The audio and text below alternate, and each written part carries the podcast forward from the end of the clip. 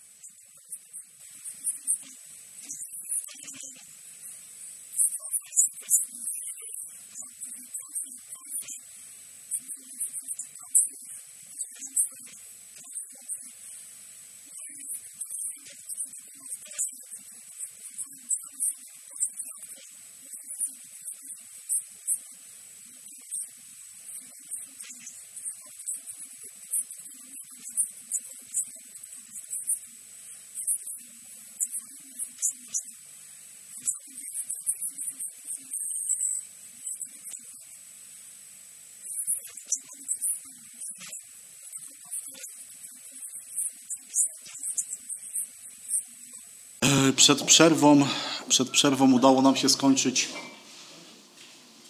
udało nam się skończyć Księgę Sędziów, a więc jesteśmy w momencie, kiedy w Biblii mamy pierwszą Księgę Samuela i już zaczynamy, zaczynamy wchodzić w, taki, w, taką, w ten okres.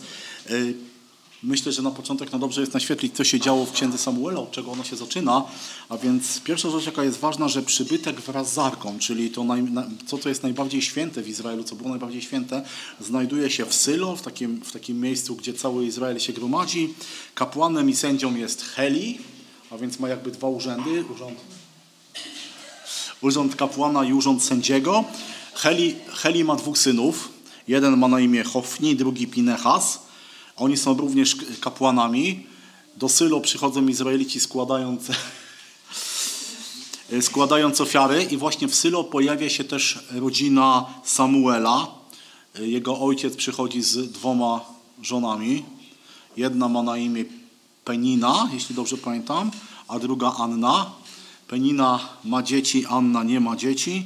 I Anna przychodzi do, przychodzi do przybytku, przy- staje przed Bogiem i modli się o syna.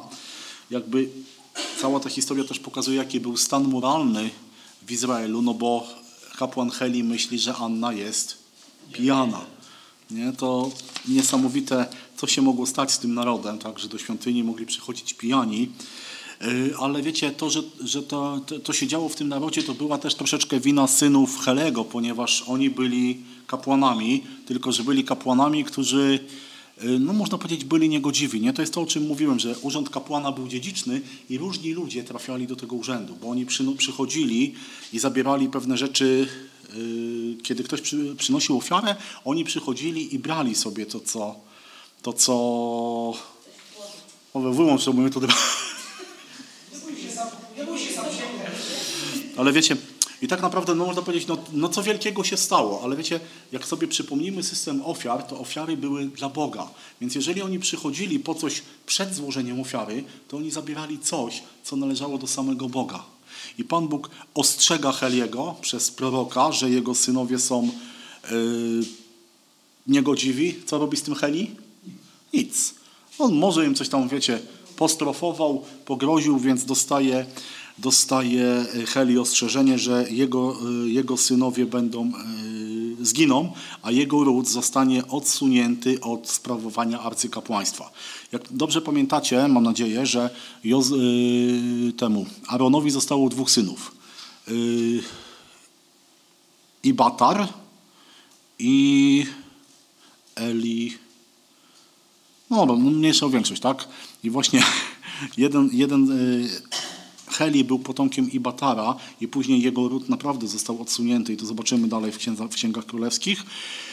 Więc mamy tą sytuację, niegodziwi synowie Heliego i w tym wszystkim wychowuje się mały Samuel, którego matka, tak jak obiecała Bogu, kiedy odstawiła go od piersi, niektórzy mówią, że mógł mieć sześć, może siedem lat, on zaczyna służyć w przybytku i czytamy o Samuelu i rósł Samuel, a Pan był z nim i żadnego ze słów jego nie pozostawił niespełnionym i dowiedział się cały Izrael od Dan aż do Berszeby, że Samuelowi zostało powierzone być prorokiem Pana.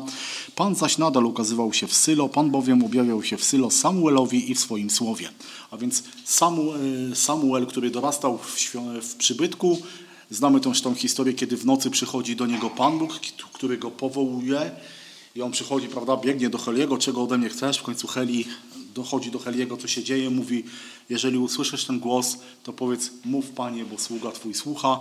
Samuel zostaje powołany na proroka i tak naprawdę tutaj no, musimy się troszeczkę zatrzymać y, nad samym urzędem proroka, bo tak jak powiedziałem, kapłani byli, mieli być odpowiedzialni za nauczanie ludu i był to urząd dziedziczny.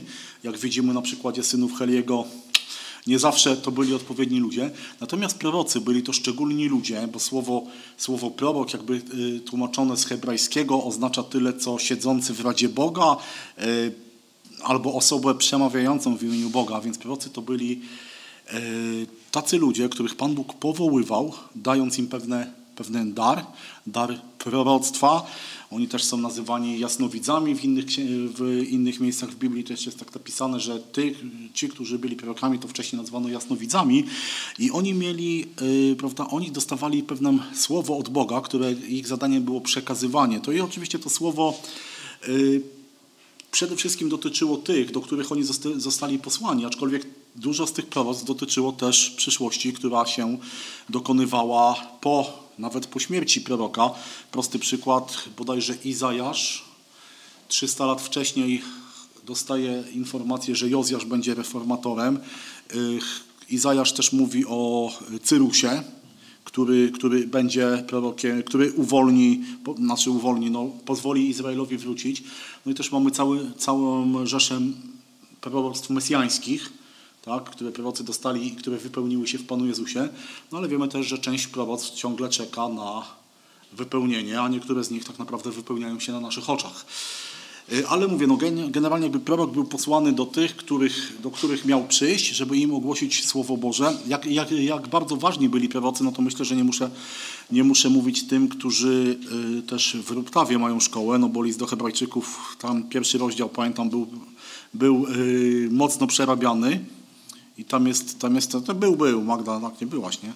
No, no ale, ale jest, tam, jest tam napisane, że wielo, wielokrotnie przemawiał Pan Bóg przez ojcu, do ojców przez proroków i w Księdze Królewskiej też jest napisane, a chociaż Pan ostrzegał Izraela i Judę przez wszystkich swoich proroków, przez wszystkich jasnowidów, mówiąc, zawróćcie ze swoich błędnych dróg i przestrzegaj moich przykazań i ustaw zgodnie z całym zakonem, jaki nadałem waszym ojcom i przekonałem i przekazałem wam, wam przez sługi moje proroków. A więc prorocy to byli e, ci ludzie, którzy właśnie mieli Boże poselstwo i byli posłani. I oczywiście w, księ- w Starym Testamencie mamy ile ksiąg prorockich? Ile? No, ile ksiąg prorockich jest w Starym Testamencie?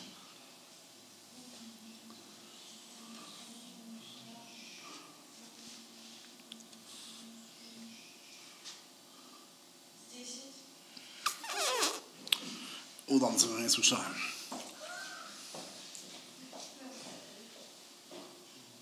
Szesnaście, właściwie 17 ksiąg napisanych przez 16 proroków. Tak, no, czterech większych, czyli Izajasz, Jeremiasz, Daniel i Ezechiel. No i 12 mniejszych, tam od Ozeasza, poczynając na Malachiaszu, kończąc. Ładnie wybrnąłem, nie? bo nie wiem, czy sam pamiętam tych wszystkich 12. I Księga, Księga Trenów, a więc czy też Lamentacji, napisana przez, e, Jere, przez Jeremiasza. A- Ale wiecie, tak naprawdę słowo prorok nie dotyczyło tylko tych, którzy coś napisali, no bo mamy Eliasza, tak? proroka Eliasza czy Elizeusza, którzy byli prorokami niewerbalnymi. Aha, taka ciekawostka. Kto pierwszy w Biblii nazwany został prorokiem?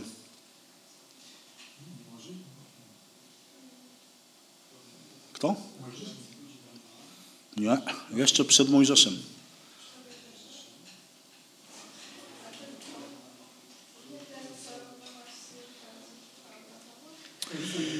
Teraz więc zwróć żonę tego męża, bo jest prorokiem. Ona będzie, on będzie modlił się za ciebie, abyś żył. Jeśli zaś jej nie zwrócisz, to wiedz, że na pewno umrzesz ty i wszyscy twoi bliscy. Abraham.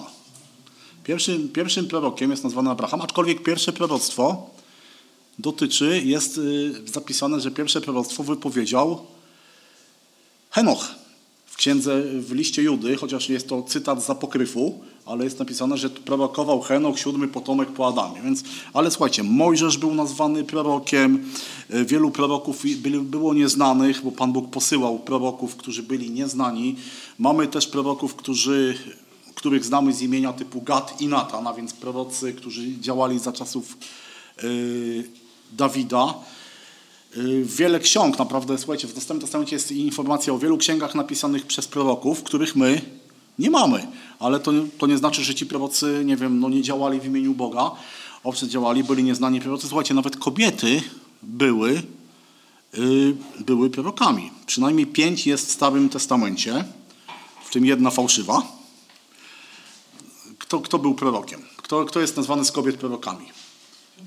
Debora, Miriam, Chluda, która działa w czasach króla Jozjasza, no i żona Izajasza, aczkolwiek tam jest wątpliwość, czy, ona, czy chodzi o żonę prorokinię jako żonę, jak jest pop, to pop jest popa żona, tak? Jak jest drab, jest drabina i to czy jak był prorok, czy prorokini, to, czy to jest to samo, czy ona też była prorokinią, nie wiem. W Nowym Testamencie, co ciekawe, też są wymienione prorokinie, przynajmniej dwie. Anna, która była w świątyni, No i w objawieniu fałszywa Izabel, tak? Były osiedla prorockie, były, sz- by, byli uczniowie proroccy, były miasta prorockie, a więc to był urząd, którym Pan Bóg posługiwał się, aby przemawiać do, do swojego ludu. I tak naprawdę każdy, jakby patrząc na szersze znaczenie słowa prorok, to każdy, kto zwiastuje Boże Słowo, kto przekazuje ludziom Boże Słowo, jest prorokiem. I oczywiście nie ma, nie ma dziś takiego autorytetu jak tam, że Pan Bóg bezpośrednio przyszedł do Izajasza i powiedział masz iść, ale dzisiaj mając Boże Słowo, zwiastując je, wykonujemy tą samą pracę. Bo mamy Boże Słowo, które, które przekazujemy. Jeszcze na podobie szkół prorockich, niektórzy myślą dzisiaj też zakładają szkoły prorockie. Że to też było na to polegało, że po prostu był prorok, który przekazywał uczniom i Tak, oni rozgłaszali tak, no to, mamy- jak mamy- dzisiaj rozgłaszamy, nie? A wtedy wyszli uczniowie proroccy, którzy byli w Betelu do Elizeusza i rzekli do niego, czy też wtedy przystąpili do Elizeusza uczniowie proroccy, którzy byli w Jerychu, a więc to były miejsca, gdzie działał prorok i tam właśnie byli ci ludzie. Yy, I Samuel właśnie był, tak jak widzieliśmy, był powiedziane, że był prorokiem i cały Izrael przychodzi do Samuela. On był też jakby kolejnym sędzią, kolejnym kapłanem. Yy, Wybucha, wtedy wybucha wojna z Filistynami, znowu Filistyni. Yy, Jest ta historia, kiedy Izrael no, boi się i mówi, co możemy zrobić? Przynieśmy arkę, niech Pan Bóg za nas walczy. E, Taka postawa, niby się, my możemy żyć jak chcemy, my możemy robić co chcemy, a kiedy jest problem, to niech Pan Bóg tą sprawę rozwiąże. I oni sobie wzięli prawda, tą arkę jako coś takiego, co za nich będzie rozwiązywać ich problemy. No co się okazuje? Arka zostaje zdobyta, zostaje zabrana przez Filistyńczyków. Heli, kiedy się o tym, no, giną dwaj synowie Heliego przy- w międzyczasie. Heli, kiedy się o tym dowiaduje, to co? Spada z krzesła czy ze stołka, dlatego nie, bu- nie, nie należy bujać się na krzesłach, najbardziej niebezpieczny mebel w Biblii. Heli ginie, y, Arka jest u Filistynów, co się dzieje? Y, zaczynają się jakieś problemy, tak?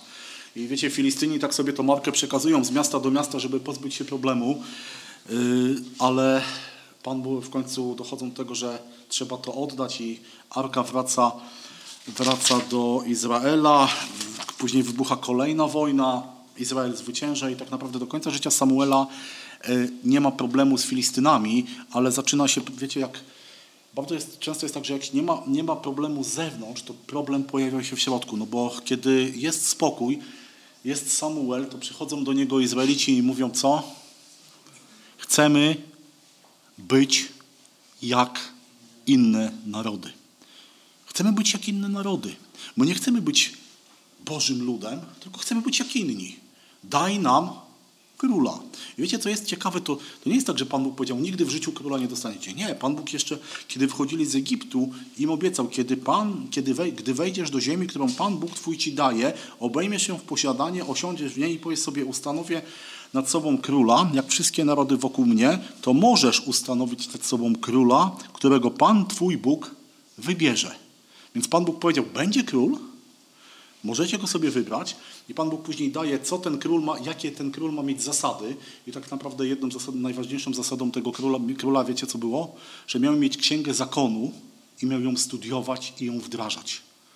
Tutaj widzimy, że Izrael przychodzi, mówi, chcemy być, wiecie, oni, oni, oni nie- nie oparli się na tym, że Bóg nam to obiecał, tylko chcemy być jak inne narody. I tutaj była, tak mi się wydaje osobiście, było to wina postawy serca. Wiecie, Pan Bóg nie odmówiłby im tego. Ale oni przyszli, bo chcemy być jak inne narody. No i Pan Bóg mówi, nie tobą, tak Samuel ma problemy takie troszeczkę etyczne i Pan Bóg mówi, co? Nie tobą wzgardzili, ale mną. To też właśnie pokazuje, że to był problem w ich sercach, a nie i w ich nastawieniu, a nie w, w jakimś innej rzeczy. I Pan Bóg mówi, daj mi króla i pojawia się pewien człowiek, mieszkaniec z plemienia Benjamina, mieszkaniec jakiego miasta? No, on, słuchajcie, był z takiego miasta, o którym dzisiaj już mówiliśmy. Zgi. Tak, on był Beniaminitą, on był z tego miasta, w którym pod koniec Księgi Sędziów y, dokonano tej zbrodni na konkubinie tego, tego człowieka, tak? On był więc jednym z, oc- być może jego, jego rodzina była jednym z tych 600 ocalałych, którzy tam uciekli. Pojawia się Saul, Y, On przychodzi, tam jest ta historia zgubionych oślic, on przychodzi do e, Samuela. Samuel mówi mu, że wszystko, co w ty jest w Izraelu, należy i tak należy do ciebie. Zostaje e, namaszczony przez e, Samuela na króla. Później jest historia, kiedy Izrael e, zgromadza się w, w Mispa i tam jest oficjalny wybór na króla, oni rzucają losy i, i nagle się okazuje, że Saul zostaje królem. Lud jest taki na, na początku bardzo sceptyczny co do tego, no ale Pan Bóg jakby utwierdza ten wybór, pojawiają się amonici, którzy oblegają pewne miasto.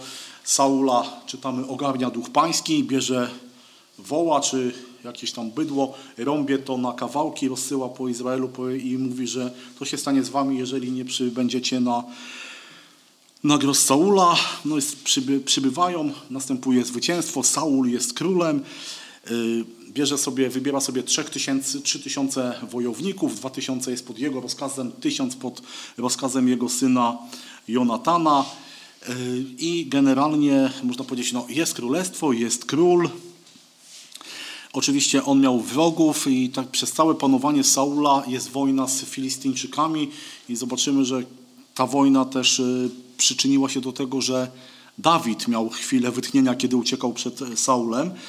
Y, Filistyni to był ten naród, o którym już mówiliśmy. Oni mieli tam y, te pięć miast, mieli wielką przewagę nad Izraelem, ponieważ tylko oni znali się na obróbce żelaza.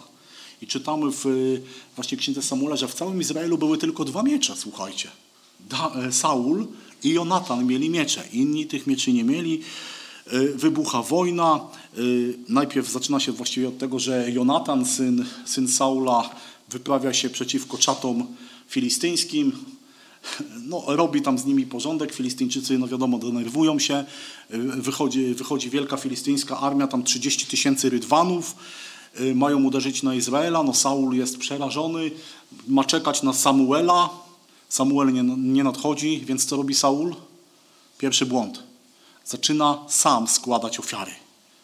Ofiary, pamiętajmy, były, byli kapłani, był, był, był cały system, to kapłani, Sam, Samuel był kapłanem, to oni mieli składać ofiary. Saul składa ofiary, na to przychodzi Samuel, mówi, coś ty, ro- co ty robisz? No i oczywiście Saul zwala, no bo wszyscy byli przerażeni, więc musiałem działać. Nie? Zobaczcie, jak bardzo często potrafimy sobie swoją winę zrzucić na innych. Nie? Ja jestem niewinny. Przykład wcześniejszy Aaron. Kiedy Mojżesz schodzi z góry i widzi złotego cielca, to co mówi Aaron? Pff, Kazali mi. No ja, pff, ja taki dobry człowiek zrobiłem. Nie? Tak samo robi Saul, więc nie czeka na Samuela. No i tutaj dostaje informację Sa- Saul, że jego królestwo się nie ostoi.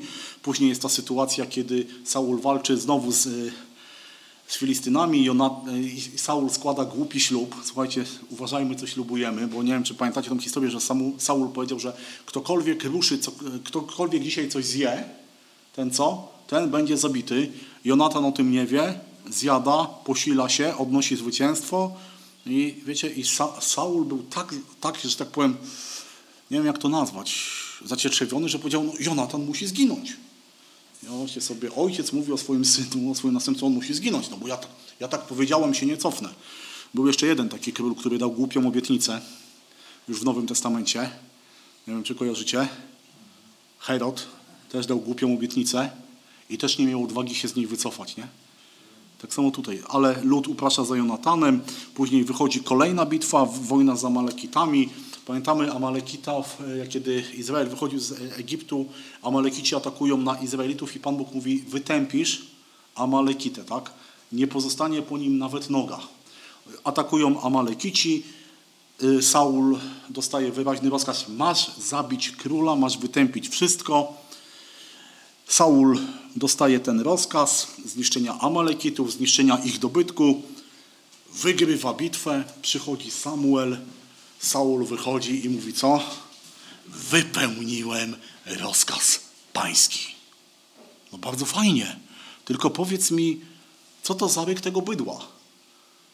Mm, No bo wiesz, lud chciał to złożyć na ofiarę. I słuchajcie, to jest bardzo ciekawa rzecz. Kiedy Saul mówi, lud chciał to złożyć na ofiarę komu? Twojemu Bogu. Nie? Saul, Saul mówi do Samuela, twojemu Bogu chciał to złożyć. Nie? nie mojemu Bogu, nie Panu, tylko twojemu Bogu. Agag, król Amalekitów, zostaje, wiecie, Saul, szlachetny człowiek, zostaje zostaje, y, oszczędza tego króla. No Samuel robi to, co miał- musiał zrobić. I tak naprawdę jest to ostatnie spotkanie Saula z Samuelem, przynajmniej za życia Samuela. W międzyczasie pojawia się Dawid, bo kiedy, kiedy Pan, Bóg, no Pan Bóg powiedział Samuelowi, że żałuje, że Saul został królem i wybierze innego, innego człowieka. No i mamy tą historię, kiedy Samuel udaje się do Betlejem, tam idzie do domu Issajego, prawda? Przychodzę złożyć ofiarę, pokaż mi swoich synów, no i po kolei ich tam kilku wychodzi i co się okazuje? Nie ten, nie ten, nie ten, nie ten. Isaj już w końcu Samuel go pyta, masz może jeszcze kogoś? I on sobie nagle przypomina, że jeszcze jeden syn, syn pasie owce, tak? Przychodzi sam e, Dawid, niepozorny. Pamiętajmy, że Saul był człowiekiem, który wystawał ponad, gł- o głowę ponad ludem. Dawid może był niepozorny, ale Pan Bóg mówi, nie patrzę, ty patrzysz na to, co widzi człowiek, ja patrzę na serce, tak? Sam, e, Samuel namaszcza Dawida na króla, dzieje się to oczywiście w ukryciu, no bo gdyby Saul się o tym dowiedział, no to dostał już obietnicę, że jego króle, królestwo będzie mu zabrane, więc wiecie, no, każdy dla niego, kto się wyróżniał, był potencjalnie niebezpieczny. E, Dalej czytamy tą historię, że ki- Da- Dawid dostaje się do otoczenia Samue- Saula jako muzyk, jako grajek, ponieważ zły duch zaczyna trafić e, Saula i muzyka, muzyka e, Dawida go uspokaja. Co ciekawe, Dawid zostaje nawet jego gierkiem. I słuchajcie, co jest najciekawsze, później kiedy widzimy kolejną, kolejny etap walki z Filistynami, kiedy pojawia się Goliat, Pamiętamy, tą, znamy tą historię, tak? No, Goliat wychodzi i tam krzyczy, że po co będziemy się wszyscy tutaj tłukli, ja jestem, we, we, weźcie sobie kogoś, zmierzymy się, kto, kto, kto wygra, ten bierze, bierze wszystko. Pojawia się Dawid, wtedy pan- on przyjeżdża do swoich braci i też mówi, no jak, no, co to jest ten nieobrzezany, tak? Bierze pięć kamieni, ciekawostka, dlaczego Dawid wziął pięć kamieni? Na wszelki wypadek, gdyby się okazało, że Goliat miał czterech braci. Podobno. Ale, g- to już tak. Ale Da- Dawid wychodzi, wygrywa i zobaczcie, że Saul się pyta, kim jest ten młody człowiek, więc prawdopodobnie Dawid tak się zmienił, że Saul go nie rozpoznał, więc myśl, przy, pie- między pierwszym a drugim pobytem Saul, Dawida na dworze musiał, musiało no, w nim na, nastąpić zmiana. Z tego co wiemy, tam z tłumaczeń, że Dawid był koloru rudego. No. Dawid był rudy, więc rudzi też mają szansę. Dobrze, idziemy dalej. No Dawid oczywiście pokonuje Goliata, więc Izrael odnosi zwycięstwo. Yy, Dawid, Dawid dostaje się w otoczenie e, właśnie Saula, staje się dowódcą wojskowym. Co ciekawe, tutaj zaczyna się jedna z najpiękniejszych przyjaźni, jaką kiedykolwiek widzimy, mianowicie przyjaźń między Dawidem a synem Saula Jonatanem. E, Jonatan wielokrotnie, jakby, jak czytamy Stary Testament, czytamy Księgi Samuela, to Jonatan wielokrotnie ratuje Dawida, wielokrotnie go ostrzega, nawet naraża się na to, że Saul próbuje zabić Jonatana za jego, sprzy- za jego e, za jego sprzyjanie Dawidowi. Też Dawid z Jonatanem zawierają przymierze odnośnie swoich dzieci i później Dawid bardzo pięknie się wywiązuje z tego przymierza. No, Dawid zostaje jednym z dowódców e, wiod- i czytamy, że wiodło mu się, ponieważ co? Ponieważ Pan był z nim. Podobna, podobne, z- podobny zwrot, nie wiem czy pamiętacie z Józefem, nie? Pan był z Józefem. I tak samo jest z Dawidem. Wiodło mu się, bo Pan był z nim. Cokolwiek przedsięwziął, Pan był z Dawidem. Saul zaczyna być zazdrosny. Pamiętamy tą, e, ta historia, kiedy kobiety wychodzą i śpiewają, że pobił Saul swój tysiąc, a Dawid dziesięć tysięcy, więc Saulowi zaczyna już zaczyna coś podejrzewać, próbuje zabić Dawida, dwukrotnie rzuca w niego włócznią. Więc Dawid obdarzony tym, że Pan był z nim, unika tej włóczni. Później mówi, obiecu, Saul obiecuje mu swoją córkę, ale mówi, nie chcę od ciebie wiana, tylko 100 napletków filistyńskich, mając nadzieję, że po prostu Sa- y, Dawid zginie. Dawid wypełnia, wypełnia to, y, to zobowiązanie, je- y, a córka Saula dostaje się innemu. Natomiast druga córka, druga córka Saula, Michal, zakochuje się w Dawidzie, więc Dawid zostaje tym zięciem królewskim. No i mamy tą historię, kiedy Saul ciągle ma podgórkę z Dawidem, znów Saul próbuje go zabić, wysyła oprawców do jego domu. I tu też taka ciekawostka, bo Michal schował, kiedy, kiedy Dawid ucieka, ona kładzie w łóżku co? Bożki domowe. Nie? No, to- zobaczcie, ciągle coś tam, ciągle coś tam było. Nie wiadomo, czy to były bożki jej, czy Dawid też to tolerował, ale, jej. ale mówię, ale co, ja bym, ja bym tego nie powiedział, tak? Na podstawie tego można tak przypuszczać, ale zobaczcie, Biblia mówi o- otwarcie o pewnych rzeczach, tak? Pamiętacie, Józef też miał kubek do czego? Do wróżenia. Biblia mówi tak, jak jest. E, Dawid ucieka do Samuela.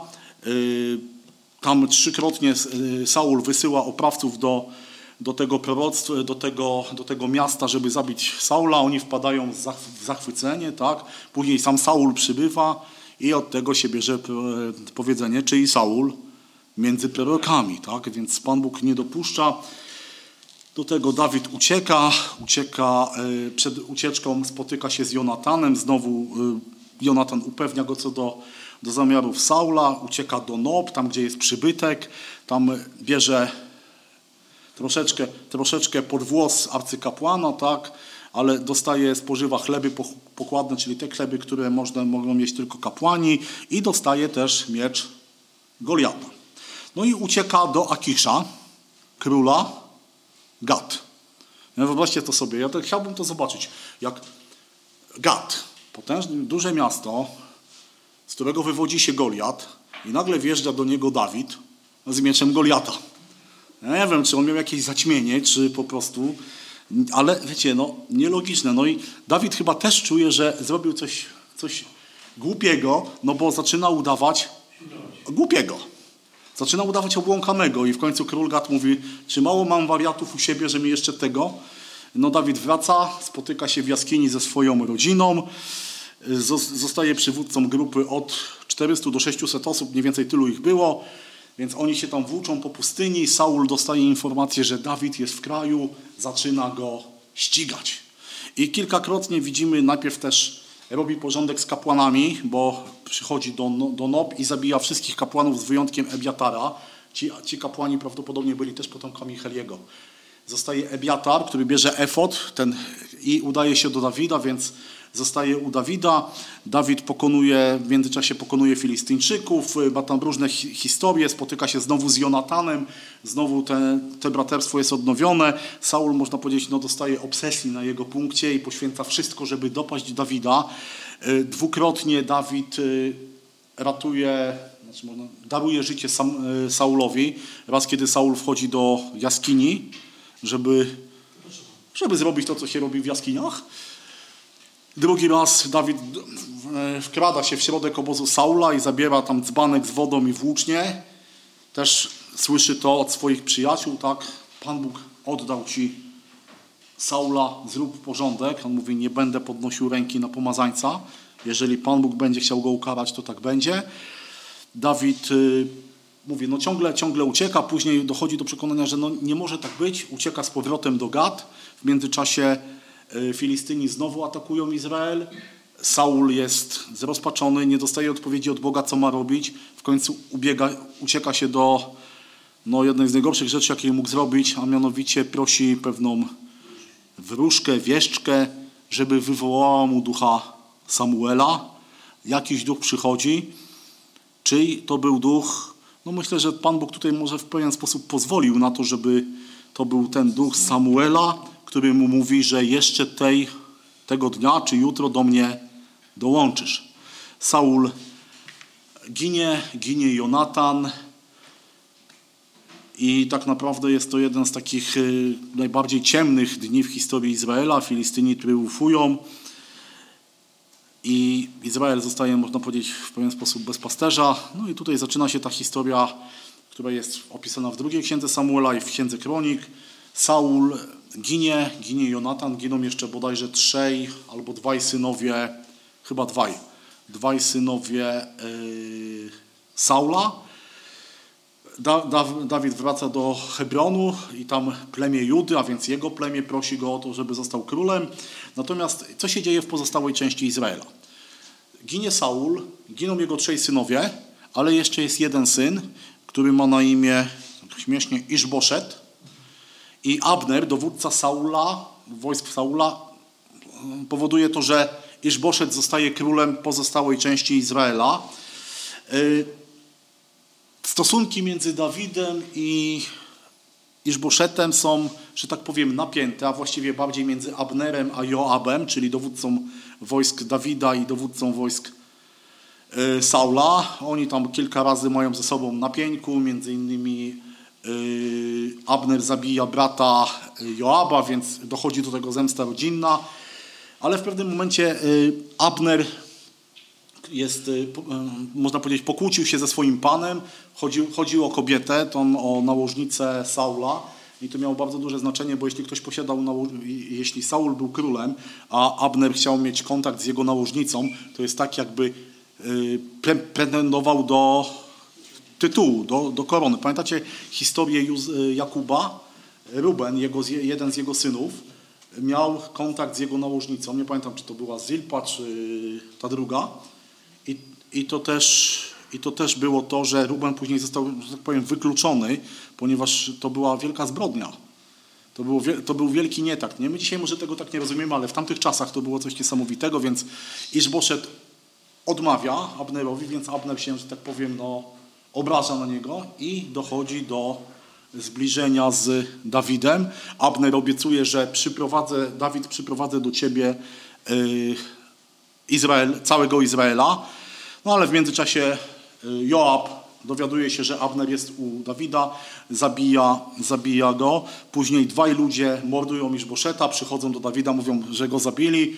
Spodziewając się nagrody, Dawid mówi, no ale jak to, nie baliście się podnieść ręki na pomazańca Pana, na człowieka w jego domu, zabiliście go i chcecie ode mnie nagrody, więc Dawid karze tych, tych ludzi, czym też sobie zyskuje jakby przychylność całego Izraela, że jest sprawiedliwy.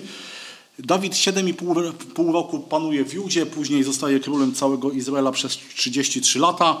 Bardzo ważnym faktem tutaj jest to, że zdobywa Jerozolimę, bo Jerozolima, pamiętajmy, była e, zamieszkiwana przez Jebuzejczyków, więc Dawid w międzyczasie zdobywa Jerozolimę, robi z niej e, swoją stolicę, tam przy- sprowadza arkę, tam sprowadza e, też jakby Pan Bóg daje mu pragnienie tego, żeby wybudował świątynię.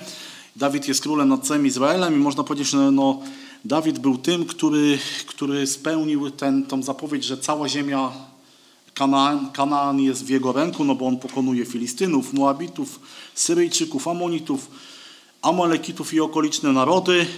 Jest królem. To w, w, tym, w tym czasie, kiedy Dawid żył, to było najpotężniejsze królestwo tamtego regionu. Ani Egipt, ani nawet Egipt był słabszy niż, niż Izrael. Dawid jest pełen wdzięku, majestatu i tak dalej, i tak dalej.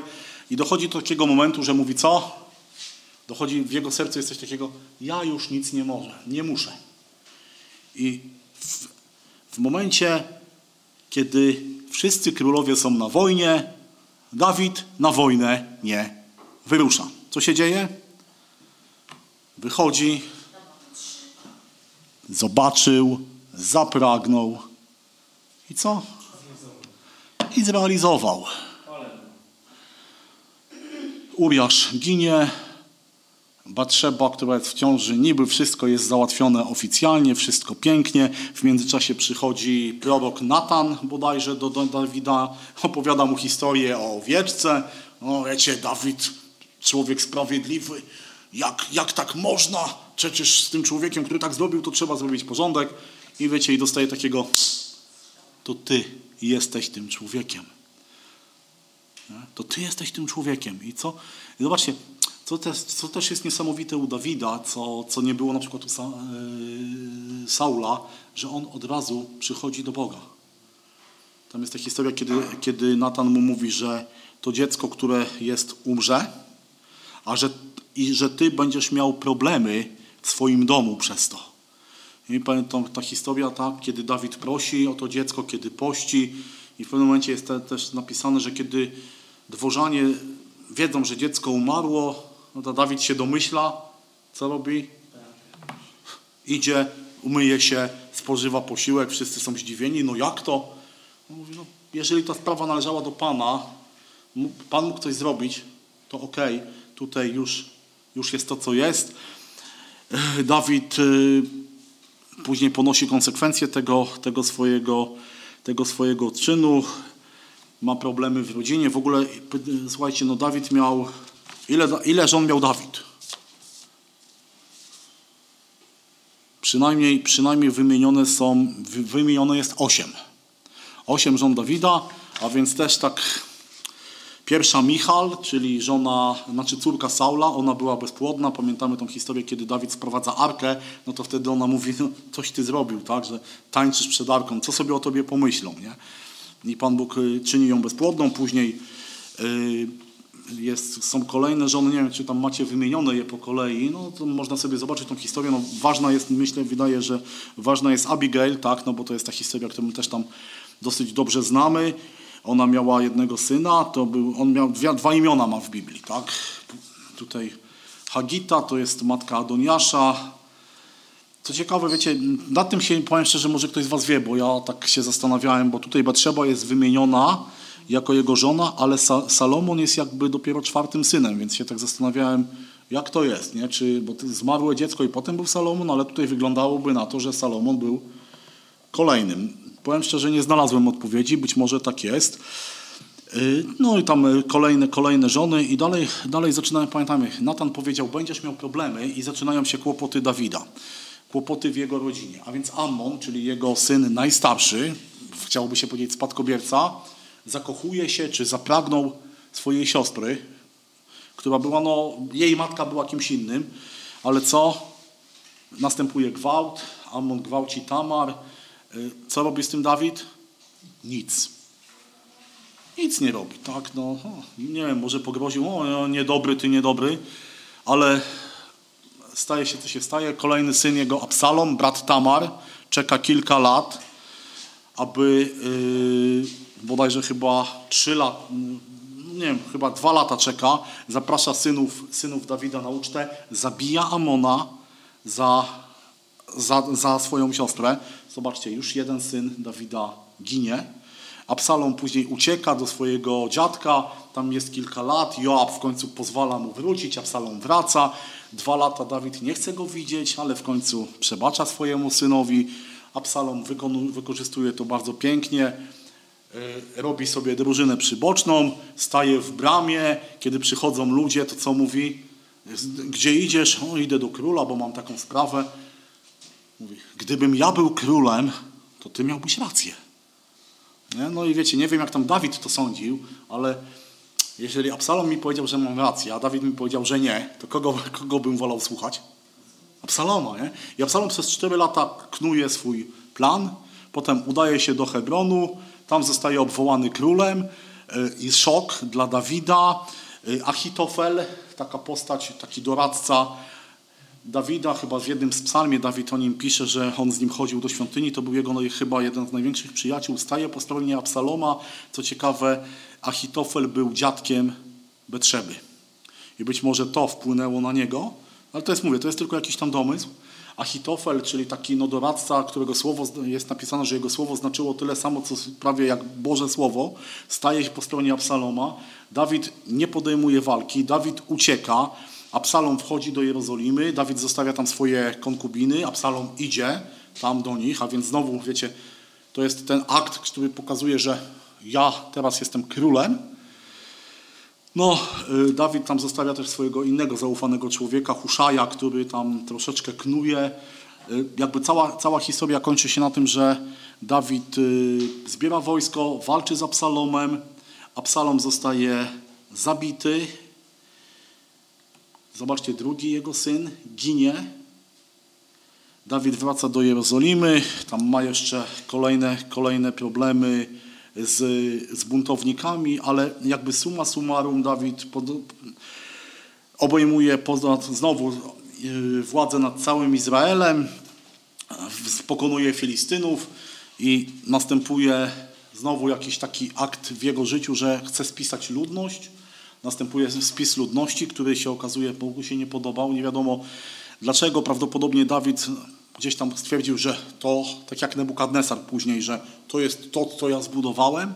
No i Pan Bóg mu, daje mu do wyboru, tak? Siedem lat głodu, trzy miesiące tułaczki albo trzy dni zarazy. Dawid mówi, wolę wpaść w Twoje ręce Boże niż w ręce człowieka.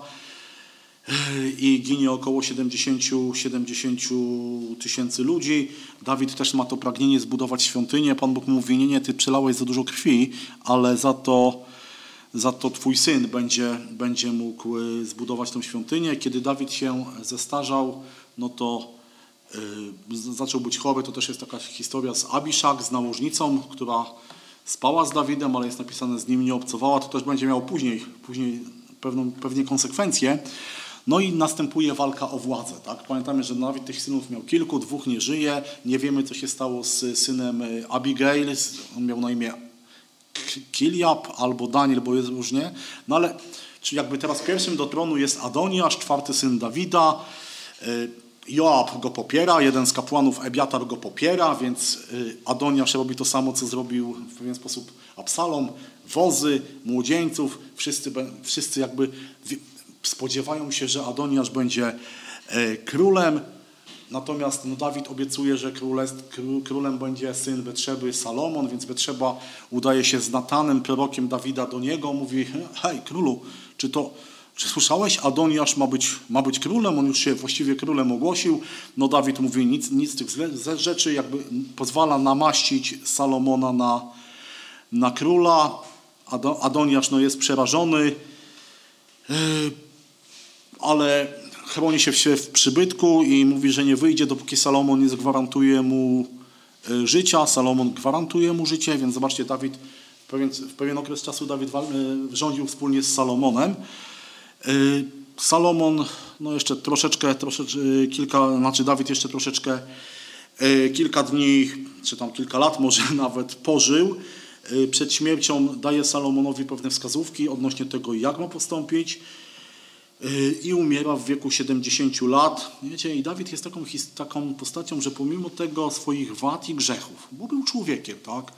Tak naprawdę no, myślę, że cała ta historia z Betrzebą pokazuje, że był, że, no, że powiem tak, nikt z nas takich grzechów prawdopodobnie nie popełnił, jak popełnił Dawid, ale wiecie, on był człowiekiem według Bożego serca, pomimo swoich wad. I w swoim chodzeniu za Bogiem tak naprawdę Dawid staje się miernikiem, do którego porównywano innych królów. Jak zobaczymy później sobie tą k- po pizzy, która już jest, tak? Tak, już dawno. O, już dawno. No, Czemu nie krzyczysz? Nie mogłem nauczyć się, aby przeszkadzać. Aha, dobrze. No, Zobaczymy później, że każdy król tak naprawdę był porównywany do Dawida. I albo chodził tak jak Dawid, albo, albo nie.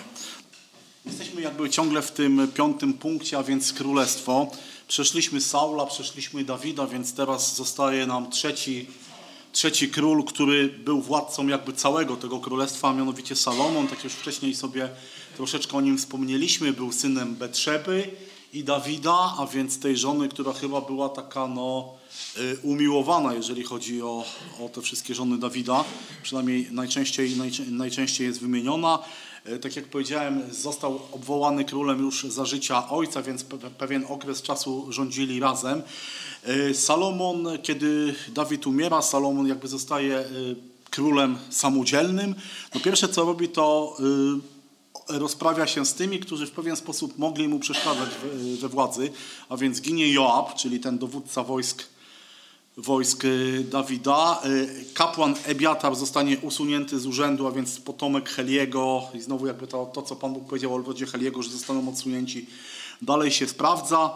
Y, Adoniasz, brat, y, ten, który, że tak powiem, rościł sobie prawo do tronu, robi też błąd, ponieważ chce, pamiętacie Abiszak, tą nałożnicę Dawida, z którą on spał, ale znaczy ona była tak w formie, nie wiem, terapii, i tak dalej, lekarstwa dla, dla Dawida.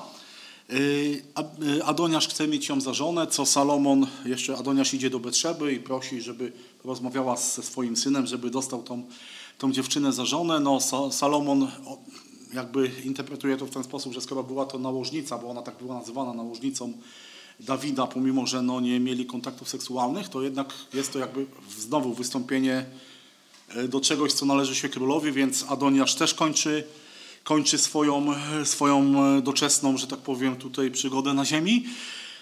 I Salomon zostaje samodzielnym królem. No z czego słynie Salomon? Tak? Po pierwsze był to król, który e, w swoim życiu e, słynął z kilku rzeczy. Tak? No, Kiedy on zostaje królem, to ma ten sen, kiedy objawi mu się Pan Bóg, mówi prosi o co chcesz i Salomon prosi Boga o mądrość. I Salomon dostaje tą mądrość. Myślę, że tutaj jest przykład tej historii, gdzie dwie kobiety przychodzą z tym dzieckiem, które, yy, które, które on mówi, no to podzielcie na pół. No i też królowa Saby, która przybywa do, do Salomona, żeby słuchać jego mądrości, więc to był człowiek, który yy, był niesamowicie mądry i chyba no, mądrzejszego od niego od niego nie było. Był też królem, Pan- Pan, Pan Bóg mówi, ponieważ prosiłeś o mądrość, dam Ci też inne rzeczy, więc też y, czytamy o jego bogactwie. W pierwszej Księdze Królewskiej jest napisane, ilość złota, jaka napływała do Salomona w ciągu jednego roku wynosiła 666 talentów, nie licząc dochodów od wędrownych handlarzy i ceł od kupców i od wszystkich królów arabskich, namiestników ziemi. Te 666 y, talentów to jest około 25 ton złota. To był jego roczny dochód, prócz tego jeszcze, co mógł dostawać, dostawać ekstra. Gdzieś tam wyczytałem, że wartość tego to było około 2,5 miliarda dolarów, chociaż tu się różnie, różnie waha w zależności z którego roku jest opracowanie. Yy, Dalej no, czytamy, że król posiadał okręty, płynął do, które płynęły do, Tar- do Tarszyszu wraz z okrętami Hirama. Raz na trzy lata przybywały okręty z Tarszyszu, przywożąc złoto, srebro, kość słoniową, małpy, pawie i tak dalej. Więc Dawid miał yy, bardzo, znaczy, przepraszam, Salomon rozwinął bardzo dużo handlu. Więc te dochody jego były naprawdę, naprawdę duże. Też yy, był królem, który miał kilka tysięcy, 400, miał 1400 wozów bojowych, rydwanów, ale pamiętajmy, że król miał, miał, miał nakaz, żeby nie, nie mieć tego za dużo, ale żeby nie mieć też koni. Natomiast Salomon, tutaj ta jego potęga militarna poszła w też w tą stronę. Z czego słynął Salomon? No przede wszystkim prawda, ze swoich budowli. No, najważniejszą rzecz, jaką Salomon zbudował, no, to była świątynia, którą budowano przez 7 lat. Ja nie będę się skupiał na świątyni, no bo mniej więcej ona wyglądała tak jak przybytek, tylko że była dwa razy, dwa razy większa. Miała około 55 metrów długości, 28 szerokości, 16 wysokości. I koszt materiałów, który zużyto na budowę świątyni, to było około 5 do 7 miliardów dolarów. To wiecie, to dzisiaj to robi wrażenie, jak bardzo to musiało robić wrażenie wtedy. Był to, podejrzewam, najpiękniejszy, najbardziej wartościowy budynek. Oprócz tego Salomon y, budował sobie też pałace, pałac dla y, córki faraona, y, odbu- budował miasta, budował umocnienia, więc to był król, w którego, w którego czasach Izrael zażywał pokoju i ta potęga gospodarcza, materialna y, się rozwijała. No ale oczywiście Salomon też y, miał pewien problem, a mianowicie czytamy, że król Salomon pokochał wiele kobiet cudzoziemskich, córkę faraona, Moabitki, Amonitki, Edomitki, Sydonitki, Chetytki, czyli można powiedzieć był kochliwym człowiekiem z narodów, co do których Pan nakazał Izraelitom. Nie łącz się z nimi i one niech nie łączą się z wami, nakłonią bowiem na pewno wasze serca do swoich bogów. Otóż do tych zapałał Salomon miłością. Miał on 700 żon prawowitych i 300 nałożnic, a te kobiety omamiły jego serce. Co ciekawe, słuchajcie, wiemy tak naprawdę ciut o dwóch tylko jego żonach, no, że jedna była z córką y, faraona i o drugiej, którego nawet znamy z imienia, ale nie, pom- nie pamiętam, nie pomnę sobie tego imienia, która była matką jego syna, który został jego następcą. I wiecie, i- i to jest tak, że jeśli Boże Słowo coś mówi, to to jest prawda. I z Bożym Słowem nie można, wiecie, żartować i mówić, nie, mnie to nie będzie dotyczyło. Bo tak jak Pan Bóg powiedział, nie bierz, no to co się, co się dzieje dalej? Gdy się Salomon zestarzał, jego żony odwróciły jego serce do innych bogów, także jego serce nie było szczere wobec Pana Boga, tak jak serce Dawida, jego ojca. To też poszedł Salomon za Asztartą, boginią Sydończyków i za Milkolmem, ohydnym bałwanem Amonitów. Salomon postępował źle wobec Pana i nie wytrwał wiernie przy Panu, jak Dawid, jego ojciec. Wtedy to założył Salomon Święty Gaj, czyli dalej te projekty budowlane on dalej realizował. Tak? Założył Święty Gaj dla Kemosza, ohydnego bałwana Moabitów, na górze położonej na wschód od Jerozolemu i dla Molocha, ohydnego bałwana Amonitów. Podobnie uczynił dla wszystkich swoich cudzoziemskich żon, które paliły kadzidła i składały ofiary swoim bogom. To też Pan rozgniewał się na Salomona za to, że odwrócił swoje serce od Pana Boga Izraelskiego, który mu się dwukrotnie ukazał. Czyli mówię, no bo to był budowniczy i on budował wszystko jak leci. I zobaczcie, co się dzieje dalej. Pan Bóg mówi, że będzie miał problemy i tak naprawdę te problemy były dwu, dwu, e, dwóch rodzajów. miał wrogów na zewnątrz, bo właśnie w jego czasie Edom się u- uza- usamodzielnił i później Izraelici mieli problem z, Edom, z Edomitami, tak samo Aram, czyli Syria, Damaszek, te, te, też y, odeszli od Pana, to była jedna rzecz, więc Dawid miał, y, Salomon, przepraszam, miał problemy na zewnątrz, ale też miał problemy wewnętrzne, bo otóż pojawił się pewien człowiek, a mianowicie Jeroboam i on był nadzorcą budowlanym i w pewnym momencie przychodzi do niego prorok Achiasz i obwieszcza mu, że za odstępstwo Salomona on zostanie królem nad dziesięcioma plemionami. I Salomon się o tym dowiaduje, próbuje Jeroboama zabić, Jeroboam ucieka do Egiptu, tam zostaje w Egipcie. Salomon umiera, kiedy y, panują, czy Salomon umiera, planował 40 lat nad Izraelem.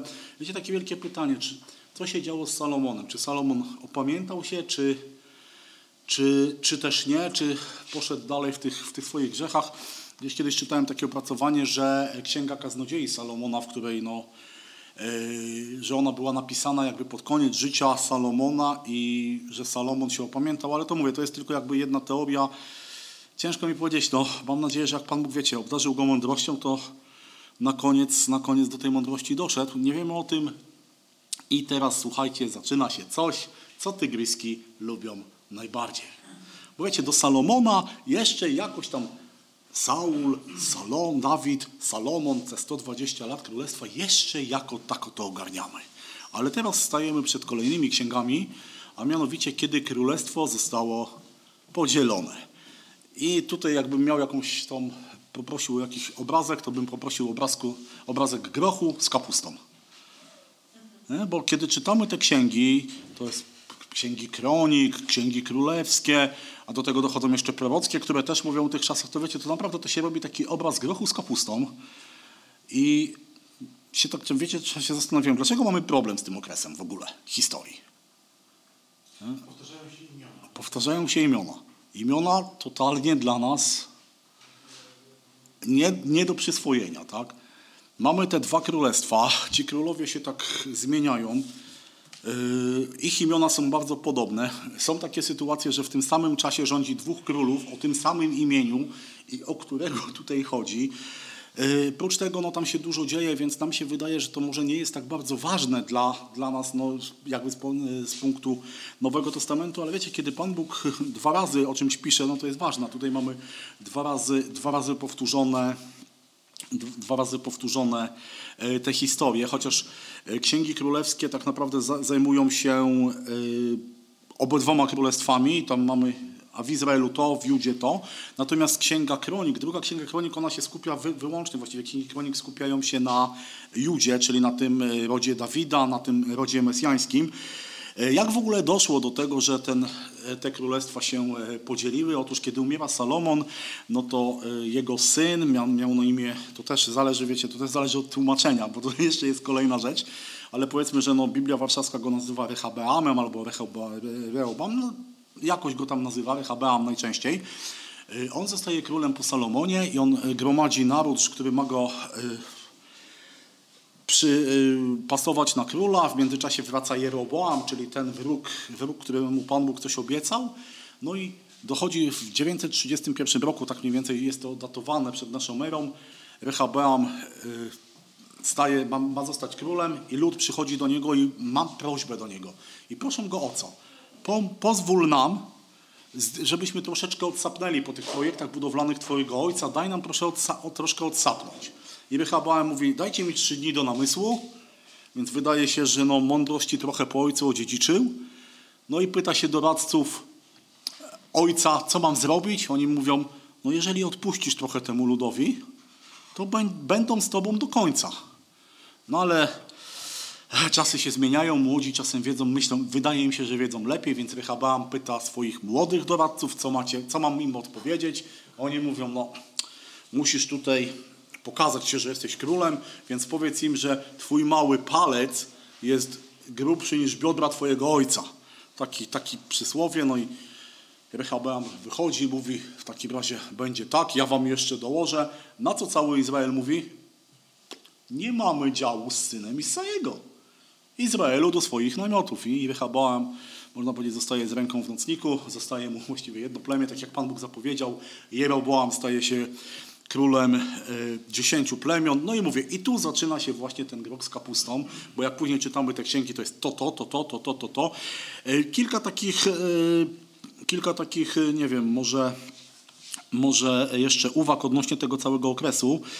Y, Podział królestwa, no mówię, następuje na dwa. Tak? Jedno nazywa się Królestwo Północne, zwane w Biblii Izraelem, Efraimem albo Samarią, więc czasem pod tymi nazwami w- wychodzi. No i Królestwo Południowe zwane Judą.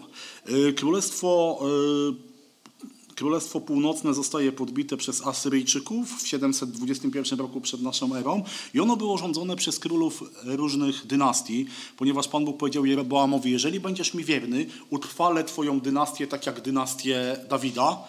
No, ale Jeroboam okazał się królem bardzo, bardzo niewiernym, tak jak Dawid, jak do Dawida porównuje się tych, którzy chodzili za Bogiem, to do Jeroboama porównuje się wszystkich odstępców. To królestwo, tak jak powiedziałem, no miało 19 królów. Przeciętne długość ich panowania to 11 lat. Ośmiu z nich zeszło z tego świata drogą gwałtowną. Zostali zamordowani. Królestwo, y, Jud, królestwo południowe, Juda, no ono zostało podbite przez Babilon. Tam y, jakby końcem tego królestwa jest czas zniszczenia świątyni. Był to miesiąc dziewiątego, dziewiąty dzień miesiąca Ab. Nie wiem, jak pamię... wtedy Babilończycy spalili tą świątynię. Nie wiem, czy pamiętacie, jak mówiliśmy o historii Nowego Testamentu, kiedy Rzymianie spalili świątynię? W jakim dniu? Dziewiątego Ab. Tego samego, co do dnia, tego samego dnia świątynia spłonęła. Tutaj e, tą, e, Królestwem Południowym rządzili potomkowie Dawida. Było 19 królów z jedną przerwą. Pewna kobieta tam weszła na tron, która była uzurpatorką, ale tutaj e, okres panowania około 16 lat. Jak, y, jak wyglądały stosunki pomiędzy tymi dwoma krajami, no, między, m, tak mniej więcej jak między RFN a NRD, czyli bardzo różnie.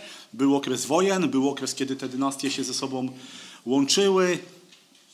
Jeroboam, Jeroboam no, dokonał pewnej też takiej rzeczy, która, która zaważyła jakby na historii całego Izraela i tak jak powiedziałem, był porównywany do innych królów. Podział królestwa następuje tak bardzo gwałtownie. Yy, są, te, są te dwie linie i mówię, no grok z kapustą i tutaj nie wiem, czy tam ma, macie te swoje materiały, bo gdzieś mi ktoś świsnął, ale ja postarałem się, o tu jest, tam na końcu, na końcu macie y, taką tabelkę. To jest tabela właśnie jak ci królowie mniej więcej jak ci królowie mniej więcej następowali. Bo wiecie, to nie było tak, że jak król w tym królestwie umierał, to w tamtym również. Były też takie sytuacje, że ci królowie rządzili ze swoimi ojcami, ze swoimi synami, więc to się robi kom- kompletna, kompletna tam. Do tego dochodzą jeszcze prorocy, tak, którzy, którzy też w czasach tych królów działali. I tutaj jakby kolejna, kolejna strona jest taki, taka grafika, jak mniej więcej którzy prorocy działali za których królów, no bo Pan Bóg, Pan Bóg pamiętajmy, posyłał, posyłał swoich proroków, a więc tych ludzi, którzy, którzy mieli prostować to, co, co w Izraelu się e, działo. No prorocy, prorocy, których mamy księgi, no to część z nich była posłana do Królestwa Północnego, część do Południowego, część proroków była już posłana, że tak powiem, do czasów y, powygnaniowych nawet, czy wygnaniowych. Tak naprawdę no, do, do y, najbardziej znanymi prorokami z tego Północnego Królestwa to byli ci, którzy się nie zapisali, że tak powiem, jako pisarze, a mianowicie Eliasz i Elizeusz, ale Jonasz, Amos, Ozeasz, oni byli posłani do Północnego Królestwa. Do południowego no ci Joel, Abdiasz, Michasz, Izajasz, prawda, Habakuk, Sofoniasz, częściowo Jeremiasz, Daniel i Jezechiel, no to prorocy wygnaniowi, czyli ci, którzy już byli w Babilonii w kolejnym okresie. Ale dobrze, przejdźmy sobie teraz do, do królów. Tak jak powiedziałem, groch z kapustą i macie tam taką listę tych królów też tam w tych, w tych skryptach.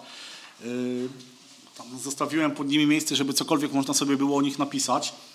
Yy, t- wiecie, tak naprawdę są dwie skale ocen. Bo możemy ocenić króla pod względem jego e, potęgi, dokonań politycznych i tak dalej. I jest ta druga, e, druga skala, mianowicie Boża skala, w której Pan Bóg e, oceniał, oceniał królów. I Pan Bóg miał bardzo, bardzo prostą skalę. Albo chodził drogami Dawida, albo nie chodził drogami Dawida. Jakby pierwsi, pierwsi dwaj królowie, którzy mamy, no to właśnie Rehabeam i Jeroboam. Rehabeam czy Roboam to właśnie syn, syn, syn Salomona. Y, To był ten król, który do, dokonał tego, znaczy, był odpowiedzialny może za to, za ten podział. On y, był królem, który, no Pan Bóg go nazywa prostą. Był złym królem, był odstępcą. Y, Pan Bóg też, y, kiedy Jeroboam y, oderwał się od niego, no to oni planowali wojnę. His- Historia była tego typu, że w końcu Pan Bóg jakby zapo- zapobiegł tej wojnie, ale w pięciu latach Rehoboam został najechany przez króla Egiptu, przez faraona. Faraon złupił część świątyni, więc cały jakby prestiż, prestiż Jeroboama y, upadł. Stosunki z Izraelem były bardzo źle. No z drugiej strony mamy Jeroboama, 22 lata panował, król zły. Co, takie, co takiego zrobił? Otóż kiedy Juda, kiedy to królestwo się podzieliło, on miał pewien problem. Mówi, no tak, oddzielili się, no ale przecież świątynia jest w Jerozolimie. I jak ludzie ode mnie zaczną tam chodzić, no to może być tak, że znowu zwrócą się do Dawidowi. Więc wpadł na pomysł, z, z, z, jakby z punktu widzenia politycznego bardzo dobry. Postawił dwie świątynie, jedną w Dan, drugą w Betel, postawił tam cielce i powiedział, to są twoi bogowie. Wiecie, i ze- jakby ze względów politycznych zrobił bardzo dobrze, ale mówię, Bóg ma inny, inną skalę, skalę wartości. I tak naprawdę Bóg y, jakby w odpowiedzi na to mówi, twój lud będzie wytępiony. Pamiętacie, obiecał mu, jeżeli będziesz mi wierny, twój lud będzie trwał. Lud ma być wytępiony. Wiecie, jedną, jedną ciekawą rzecz znalazłem y, w pierwszej Księdze Królewskiej, 14 rozdział, 13 werset. To też się dzieliłem, mówiłem Justynie, że mnie to bardzo zaskoczyło, bo to czytamy tak. Tam czytamy, że y, Jeroboam miał syna.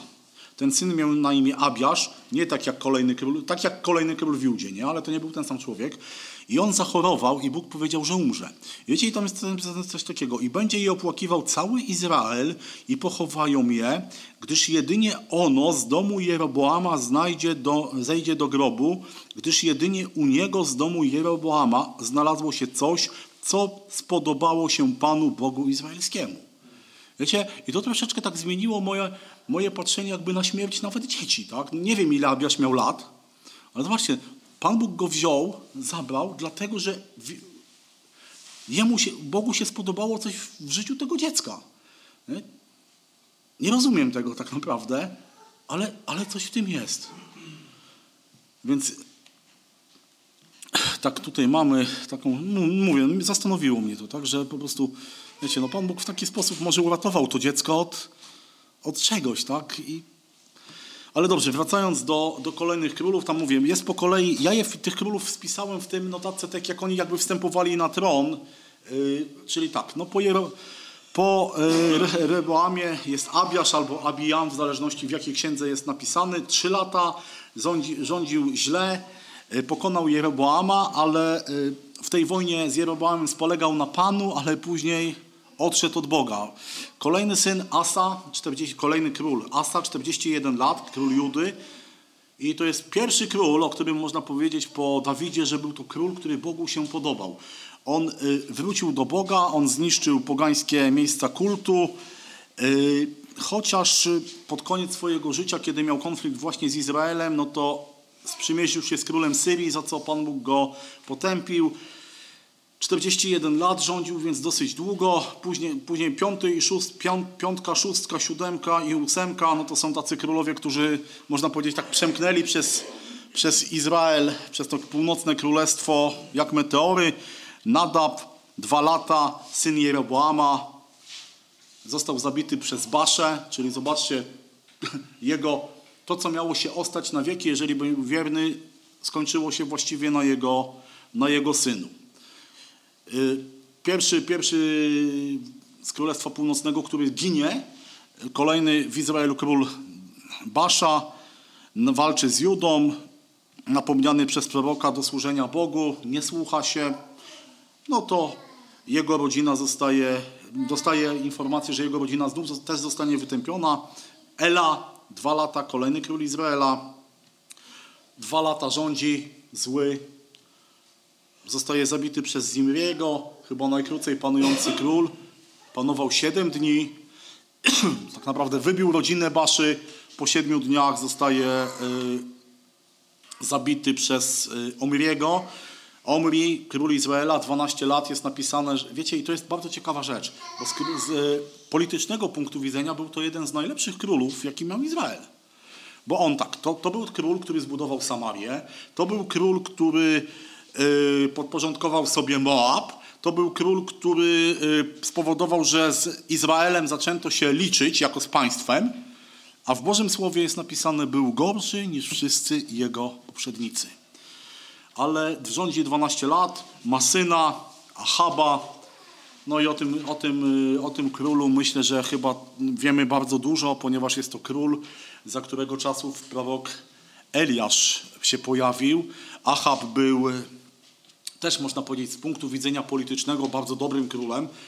Odbudował Jericho, chociaż Pan Bóg powiedział, żeby tego nie robić, ale yy, też yy, pokonuje Syryjczyków, yy, jest władcą takim potężnym, no ale trafi znowu, trafia na nieodpowiednią osobę w swoim życiu, a mianowicie żeni się z Izabel, która jest, yy, pochodzi z Tyru albo Sydonu, już nie pamiętam, bo te dwa miasta są obok siebie. W każdym bądź razie jest to kobieta, która do Izraela wprowadza kult Bala, y, kult pogańskiego boga, bardzo też taki zmysłowy. Ona wytępiła, ona e, prześladowała p- proroków, prześladowała Boży lud. Eliasz tutaj wychodzi, wychodzi jakby do walki, Pan Bóg wysyła Eliasza. Mamy to, co się stało na górze Karmel, tak, kiedy zwołani są prorocy Bala i Eliasz mówi, no to przekonajmy się, kto jest Bogiem. Y, Później y, Izabel obie- obiecuje Eliaszowi, że będzie, że będzie zabity, więc on ucieka. Mamy tą historię z krukami, też mi bliską ostatnio. Y, I y, Ahab ginie w walce z, w walce z Aramejczykami. W międzyczasie właśnie kolejny król. No mówię, wiecie, to jest tak bardzo, bardzo szybko, ale no tego się nie da inaczej zrobić. Kolejny król, no to, który tutaj mamy, no to jest Jehoszafat, on panuje w, w Judzie. Y, Król dobry, on y, to jest syn Asy, więc on robi dalej te wszystkie reformy. Jego, jego błędem jest to, że zaczął że tak powiem, kumać się z królestwem Izraela, z Ahabem i wpadł na pomysł, że jego syn wyjdzie za... Ożeni, przepraszam, ożeni się z y, córką Ahaba, Atalią, co się też staje, więc te dynastie się do siebie y, zbliżają. Y, Tutaj też y, działa prorok, prorok Elizeusz, kolejny wielki prorok i prawdopodobnie też w czasach Jehoszafata działa jo, prorok Joel, chociaż nie wiadomo tak naprawdę kiedy, ale tak się przyjmuje i prorok Abdiasz. Y, y, tak, y, więc Ach, no, Dobrze, czyli Joram, syn jego dzień, że, żeni się z Atalią. Achab ginie podczas bitwy z, je, właśnie z, y, z Aramejczykami. Kolejny, kolejny król Izraela, dwa lata. y, Król Achazjasz, on ulega wypadkowi, posyła, posyła, y, pro- posyła posłańców do wyroczni Belzebuba, spytając się, czy wyzdrowieje. Y, Eliasz y, Pan Bóg używa Eliasza, on przychodzi do niego i mówi, że y, zostanie, że, y, że zostanie ukarany śmiercią. Król chce pojmać Eliasza, dwukrotnie wysyła ludzi, kiedy spada ogień z nieba i ich unicestwia. Za trzecim razem Eliasz idzie do króla, jeszcze raz powtarza mu wyrok i Ach- Achazjasz umiera. Kolejny król Izraela pod pozycją 13 Jehoram. 12 lat rządzi, był złym królem. Y, Syna Haba, brata Hazjasza. Y, Próbuje, próbuje odzyskać y, zwierzchnictwo nad Moabem, walczy z Syrią. Tutaj Elizeusz interweniuje, bo jest taka sytuacja, że y, armia syryjska atakuje, zostaje oślepiona i kiedy Pan Bóg zdejmuje ślepotę z ich oczu, okazują się, okazuje się, że są w środku Samarii, tak? otoczeni przez siły Izraela, ale y, Pan Bóg mówi, żeby puścić ich wolno, później Samaria, y, Samaria zostaje znowu uratowana przez Bożą interwencję. Y, post- y, I y, on zostaje, walczy też właśnie z Syryjczykami, zostaje y, ranny i Pan Bóg tutaj wykonuje jakby wyrok na rodzinie, e, rodzinie Ahaba, bo zostaje zabity przez kolejnego króla, przez króla Jehu, e, króla pod pozycją 16. Słuchajcie, no, ja wiem, że to jest takie no, ciężkie. E, W międzyczasie w Judzie działa król Jeroham, on wraca do bałwochwalstwa, zabija swoich braci, Y, i Pan Bóg y, karze go w ten sposób, że podczas najazdu Filistyńczyków jego żony i synowie zostają uprowadzeni i zostaje mu tylko najmłodszy syn i żona Atali. On jest właśnie tym, tym mężem Atali, kobiety, która była córką Achaba. I to jest ciekawe, po jego, to był taki król, że kiedy umarł, to lud się radował. Nie? To myślę, że to dużo, dużo mówi o tym, jakim był, jakim był królem, jakim był człowiekiem kolej jego, jego syn, właśnie Achazjasz, zostaje, zostaje królem.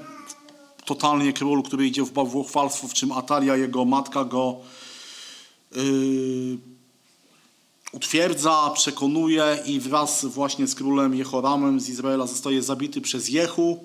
Oni razem wyprawiali się na wojnę, obydwaj dostają łupnia, a Jehu został powołany, był dowódcą wojskowym i Pan Bóg powołuje go do tego, żeby żeby właśnie zniszczyć Rutahaba. Jehu y, jest, wydaje się, że to jest taki król, który mógłby w końcu być tym dobrym królem w Izraelu, bo Pan Bóg każe mu wytępić rodzinę Ahaba, każe mu wytępić y, też czcicieli Bala, co on robi bardzo skutecznie, ale jego serce nie jest szczere wobec Boga, więc idzie, idzie dalej w odstępstwo. Pan Bóg no, karze, karze go w ten sposób, że y, traci część swojego teo- terytorium. Tutaj pojawiają się Asyryjczycy, którzy zaczynają coraz bardziej bruździć e, w tej historii. I dalej mamy tutaj Atalię, czyli tą kobietę, która w tym pół- północnym królestwie y, była córką, tak jak powiedziałem, Ahaba. Po śmierci swojego syna ona, wiecie, zabija wszystkich, wszystkich innych, wszystkich potomków królewskich.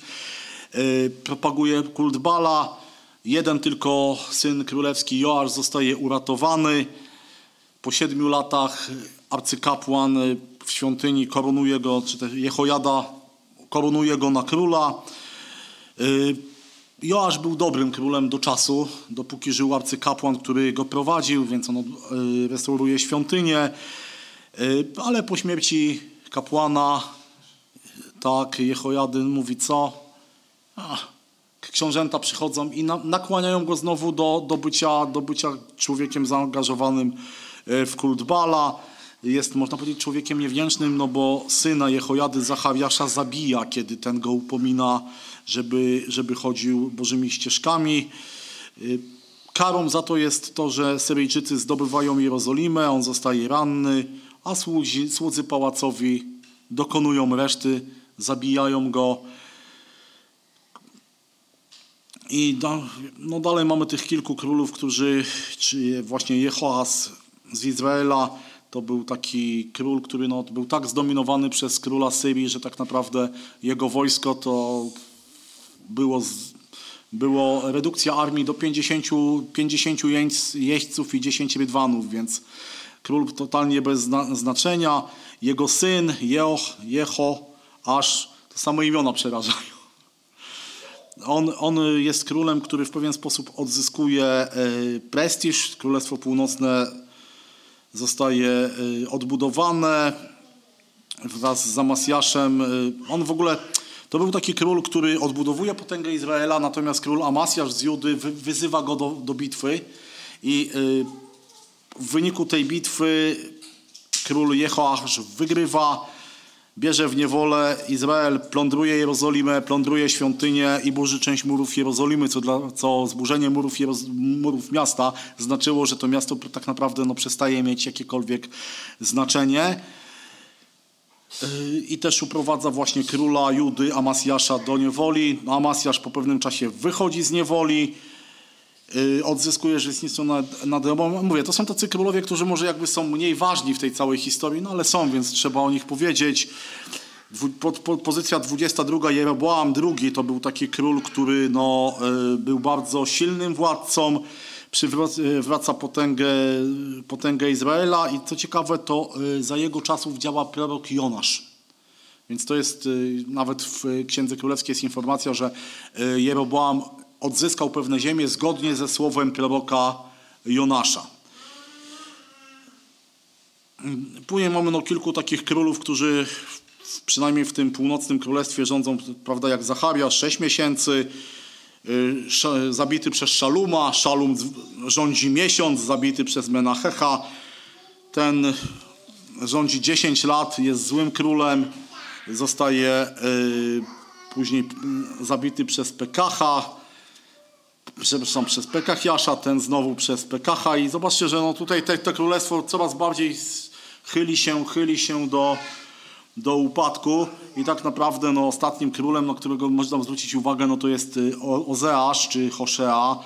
Był wasalem Asyrii, to jest 31 w tej naszej liście. Za jego czasów y, król asyryjski wyrusza do Izraela, oblega Samarię. W 722 roku Samaria zostaje zdobyta. Król i ludność zostają przesiedleni, a na ich miejsce przesiedleni są ludzie z innych, innych krain, którzy później tworzą naród samarytański. Y, Więc te 10 plemion zostaje uprowadzonych. Pytanie, co się stało z tymi 10 plemionami? Nie, bo wiadomo, Juda, Juda wrócił z Babilonu, no ale te 10 plemion, co się z nimi stało? I słuchajcie, no są, są różne, różne informacje, różne legendy na ten temat. Na przykład yy, jedna z jakby hipotez, z legend, mówi się, że rzeka Dunaj, która płynie w Europie, no jest, ma nazwę od plemienia Dana. Y, Inne, le- inne mówią, że tam, prawda, że y, plemiona wyemigrowały aż do Anglii i że wszyscy anglosasi są potomkami Żydów. Y, Tak naprawdę jeszcze inni twierdzą, że te zagubione plemiona znajdujemy w Indiach, w Nigerii, w Etiopii, w Pakistanie. Y, Nawet słyszałem, że prawda, y, Indianie z Am- w Ameryki Północnej są zaginionymi plemionami Izraela. No mówię, są różne hipotezy, ale tak naprawdę czy, czy te plemiona tak z- zostały zgubione czy zapomniane? Wiecie, no, nawet w Nowym Testamencie czytamy o prorokini Annie. Ona była z jakiego plemienia? Z plemienia Asera. Nie? E, W liście Jakuba, no, Jakub pisze do 12 plemion żyjących, dwa- 12 pokoleniach żyjących w rozproszeniu, więc prawdopodobnie te króle, oni byli, te króle, te plemiona zostały przeniesione na teren Asyrii, która została później podbita przez Babilon, więc oni mniej więcej już tam, tylko troszeczkę więcej byli w tym Babilonie, tak? I część z nich prawdopodobnie wróciła razem z tymi plemi- z Judą, Królestwo Północne, można powiedzieć, upada. Królestwo, Połud- Królestwo Południowe, a więc Juda trwa i zaczyna się taki okres, kiedy pojawia się tam pewien król, powiem szczerze, jeden z moich ulubionych królów, który, na którego musimy zwrócić uwagę, a mianowicie król Hiskiasz, zwany też Ezechiaszem, w zależności od tłumaczenia. To jest król, który no, ma dużo wspólnego z prorokiem Izajaszem. I oni się ze sobą spotykali, oni się wymieniali. Już kiedyś się dzieliłem tą historią. Wiecie, to był król, który dostał państwo w totalnej ruinie. I pierwsze, co robi tak naprawdę, to yy, e, zaczyna, bo ma dwa problemy. Pierwszym problemem jest Asyria, która jest, której jest wasalem, a drugim problemem jest totalny upadek tego narodu, którym ma rządzić. I wiecie, i Hiskiasz co robi? Hiskiasz mówi, najpierw trzeba załatwić sprawy z Bogiem. On odnawia świątynię, Ponie- po- Ponownie zaczęto tam obchodzić święto Paschy, na które on zaprasza nawet tych, którzy zostali z, Królestw, z Królestwa Północnego. Y, Tępi bałwochwalstwo, dba o e, umocnienie Jerozolimy i pomimo tego zostaje zaatakowany przez Sancheryba, króla Asyrii. I kiedy, nie wiem czy pamiętacie tą historię, kiedy król, y, dowódca asyryjski wysyła list też do Hiskiasza z pismem, że czy twój Bóg może cię obronić, skoro zobacz, inni bogowie, inni bogowie innych krajów nie dali mi rady. Hiskiasz idzie z tym, z tym do świątyni, prawda, przychodzi do Boga i mówi, panie zobacz i panie zadziałaj. No i Pan Bóg, Pan Bóg robi to, że po prostu... y, Asyryjczycy odchodzą, później Hiskiasz choruje, ponieważ wzbił się w pychę, to też jest takie, to też jest takie wiecie, niesamowite, że bardzo często, kiedy człowiek dostaje Boże błogosławieństwo i doskonale wie, że to jest od Boga, nie jest to z Niego, to w pewnym czasie mówi ja No i, I powiem szczerze, wiecie, myślę, że możemy sobie życzyć tego, że kiedy wpadamy w taką pychę, żeby Pan Bóg szybko zaingerował. Tak jak było u Hiskiasza, kiedy on tylko powiedział ja, Pan Bóg ingeruje, Pan Bóg posyła e, chorobę, Hiskiasz korzy się, Hiskiasz wyznaje to przed Bogiem i zostaje uzdrowiony. Po zwycięstwie nad Asyryjczykami przyjmuje posłów z Babilonu, co Izajasz mu mówi, że Babilończycy staną się właścicielami wszystkiego, co im pokazałeś. I kiedy Hiskiasz umiera, to królem staje się Menases, jego syn. Panuje najdłużej w całym Izraelu, 55 lat. I to był król, który, o którym można powiedzieć, jak wschód od zachodu, tak bardzo on odszedł od postępowania swojego ojca. Wiecie, Menases był najgorszym, nazwany jest najgorszym królem, jakiego miał Izrael, ponieważ za jego czasów wrócono do bałwochwalstwa, albo nawet je, można powiedzieć, udoskonalono. Za jego czasów zaczęto składać ofiary z ludzi. On przelał y, bardzo dużo krwi. Najprawdopodobniej Izajasz został zabity właśnie za jego czasów. Według tam przekazów został przecięty piłą, więc jak w liście do hebrajczyków, tak, jeśli dobrze pamiętam, jest niektórzy byli przeżynani piłą. Od, odnosi się to właśnie do, do Izajasza. Y, Menasses y, można powiedzieć, ż- rządził tak, że rządy, to co się działo w Kanaanie za czasów Kananejczyków, to by było przy tym Pikuś. pikuś, chciałem powiedzieć małe piwo, ale... Pikuś albo wiecie, to, to po prostu to, co robił Menases było, było y, taką obrzydliwością, że w końcu Pan Bóg powoduje y, najazd Asyrii, Menases zostaje uprowadzony do niewoli, ale wiecie co? To jest też dalej Boża łaska, bo w niewoli Menases woła do Boga i zostaje uwolniony i po powrocie służy Bogu. I, ale wiecie, usuwa obce kulty, ale już można powiedzieć, w historii Izraela poszło to tak daleko, że tego nie dało się już odwrócić.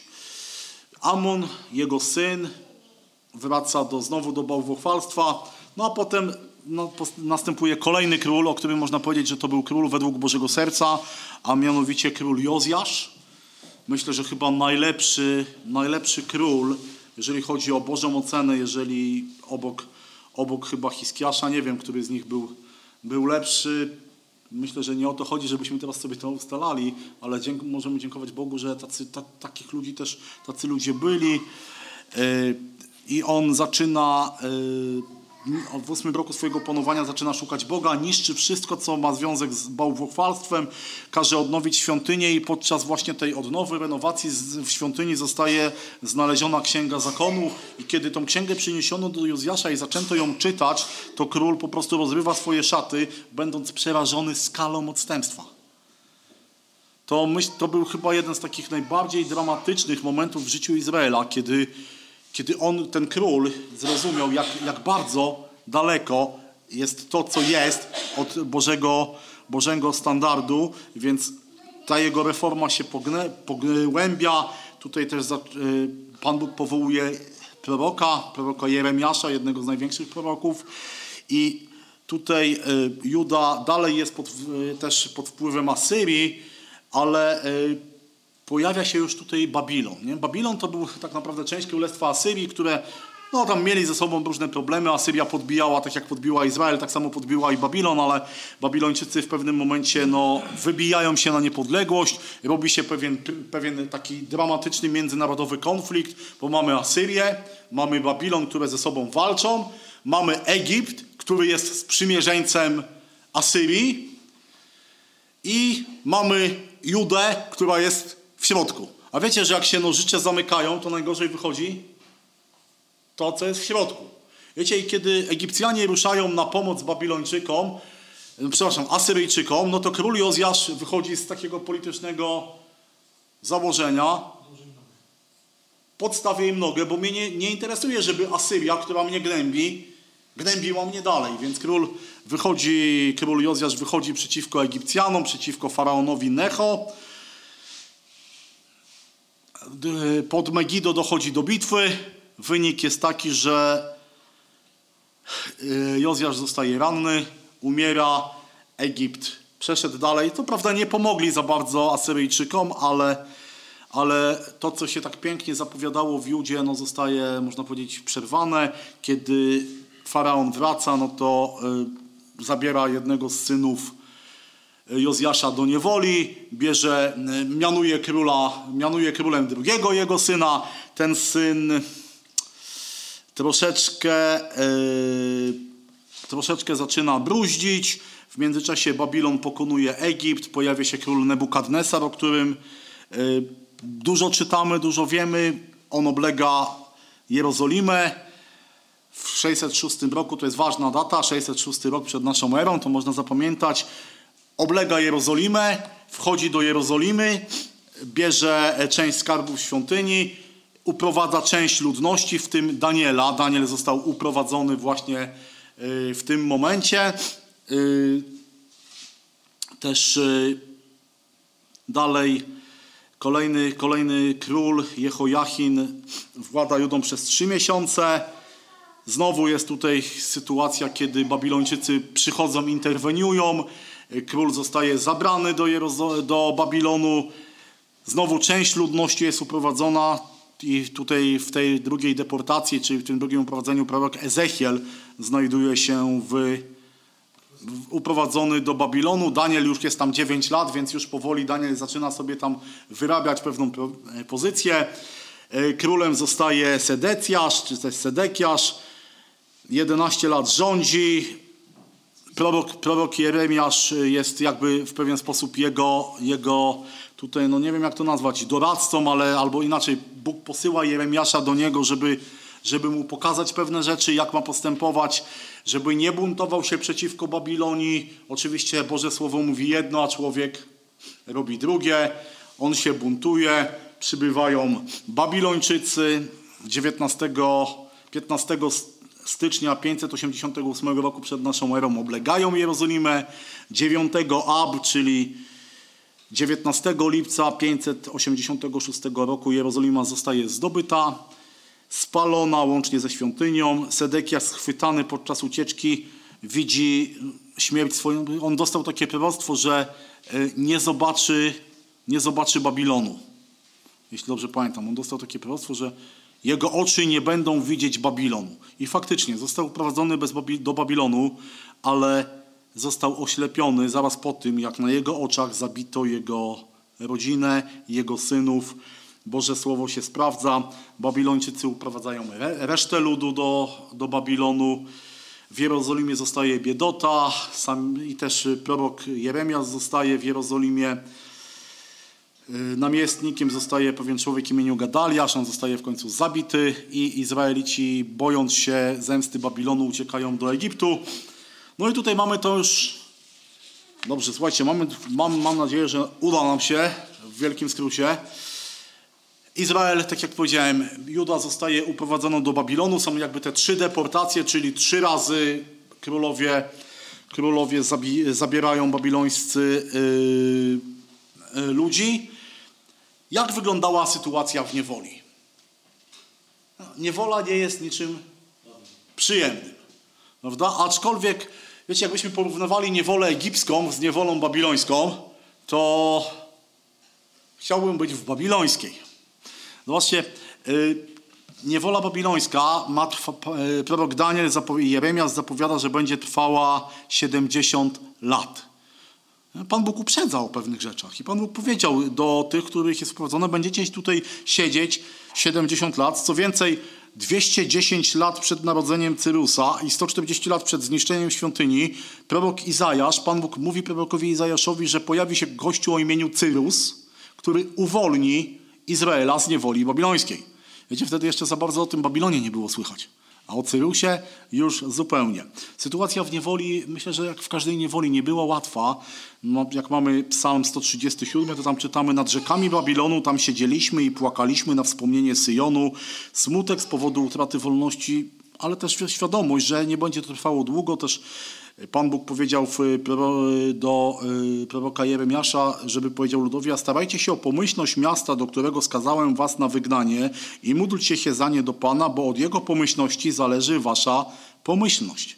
Więc z jednej strony niewola, ale z drugiej strony Pan Bóg mówi, nie będzie wam tam aż tak źle. I jakbyśmy popatrzyli sobie właśnie na historię w Babilonie, no to Daniel, prawda, staje się premierem tego kraju. Ezechiel, który prorokuje w tam, ma swój dom, może, może się spotykać ze starszymi. Jeremiasz może wysyłać listy, więc ta niewola w porównaniu do egipskiej była no można powiedzieć, prawie jak senatorium, chociaż może nie, niekoniecznie, y, ale generalnie na, w tej niewoli Pan Bóg nie przestaje się troszczyć o swój lud. Właśnie mamy proroka Daniela, proroka Ezechiela i oni, oni działają, oni y, wpływają też na odnowę życia e, duchowego Izraela. Wiecie, brak świątyni spowodował, że co oni mogli zrobić? Co oni zabrali ze sobą?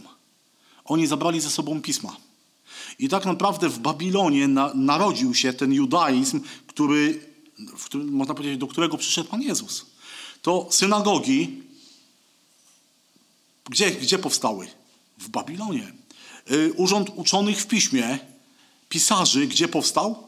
W Babilonie. Wiecie, w tym miejscu Pan Bóg przygotował te 70 lat, żeby oni mogli zajrzeć do pism, żeby nie, nie mając świątyni, do której chodzili na zasadzie, a pójdę do świątyni, to mi się jakoś tam i zrobię wszystko i będzie dobrze. Oni musieli sami zgłębić się w, w pisma.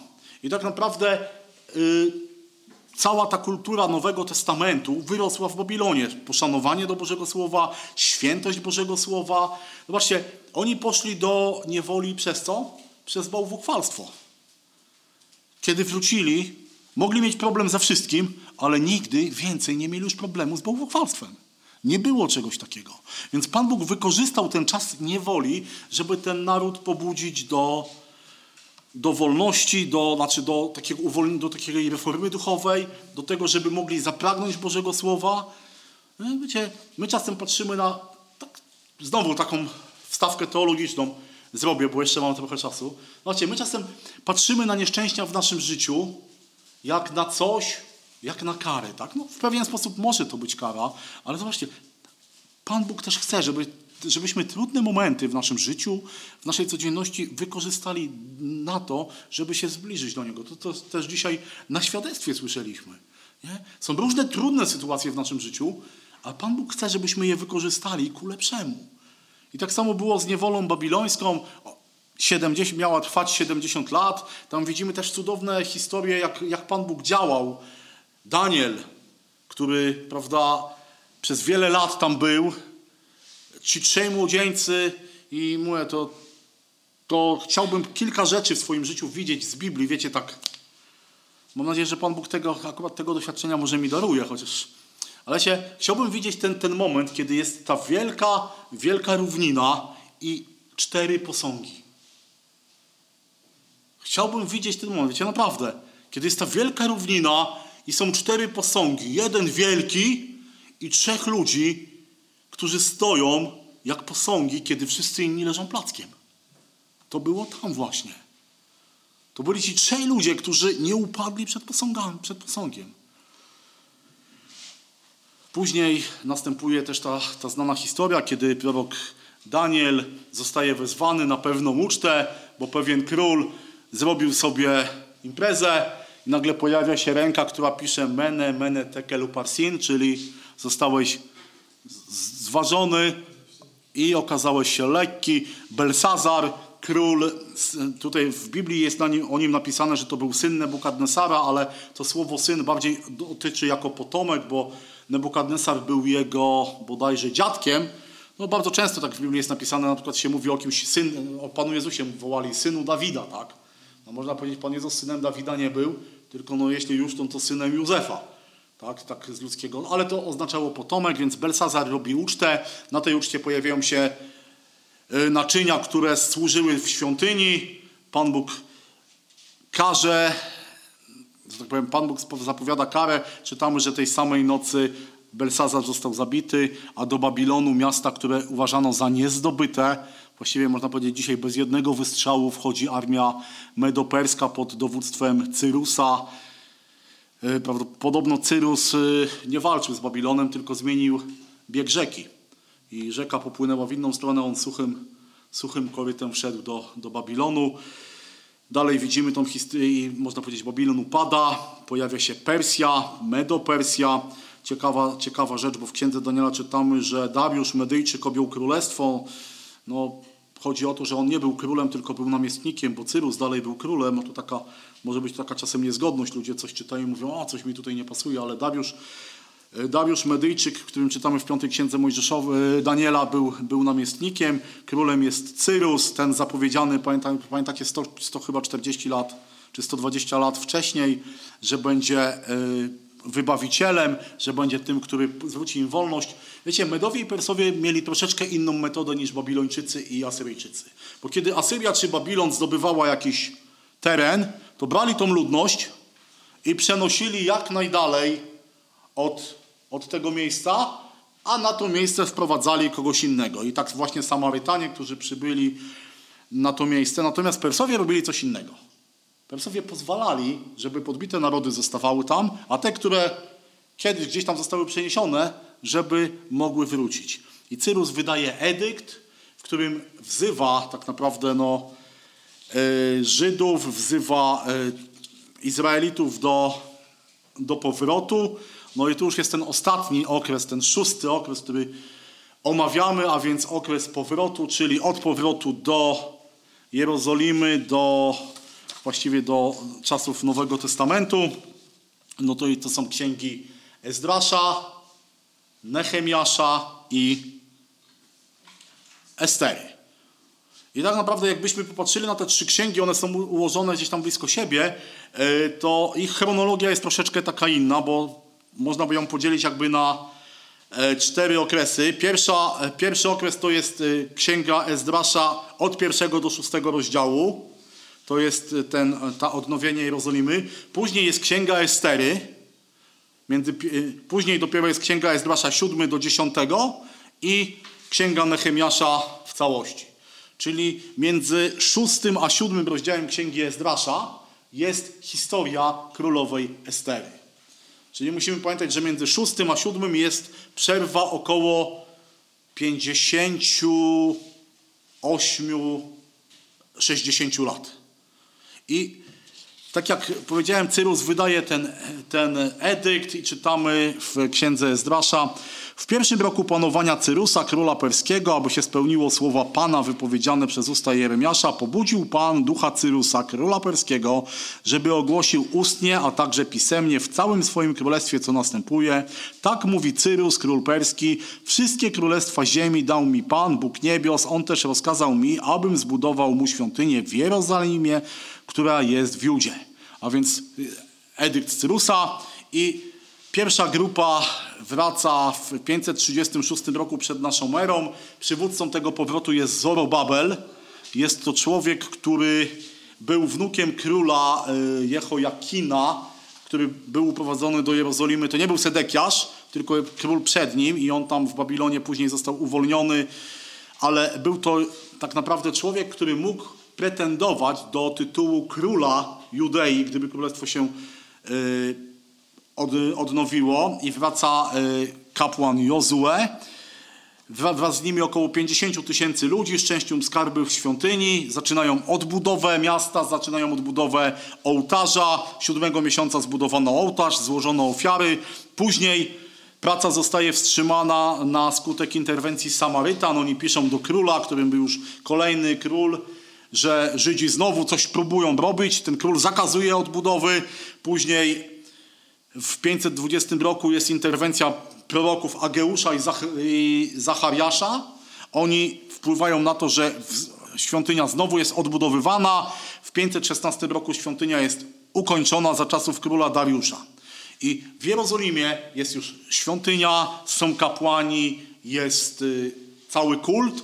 Kończy się, tutaj można powiedzieć, kończy się szósty rozdział księgi Ezdrasza i pojawia się król, księga Estery.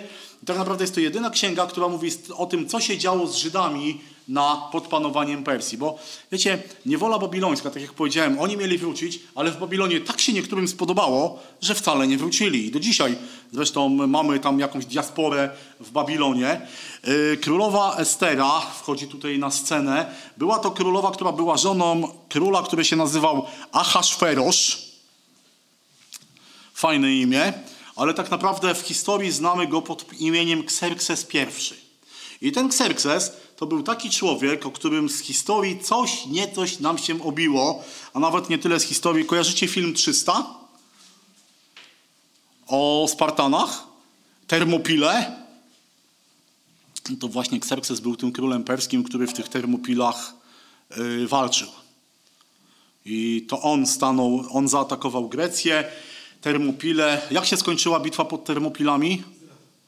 Zdradą, tak. No, Xerxes wygrał tą bitwę przez zdradę. Zdobył Ateny, spalił je, ale generalnie jakby cała, Cała historia skończyła się w ten sposób, że Xerxes musiał się wycofać z Grecji. Y, est- Prawdopodobnie ta, ta uczta, na którą królowa Waszti nie chciała przyjść, była ucztą przed wyruszeniem na tą wyprawę. Więc Xerxes wraca, Waszti już jest, że tak powiem, w niełasce.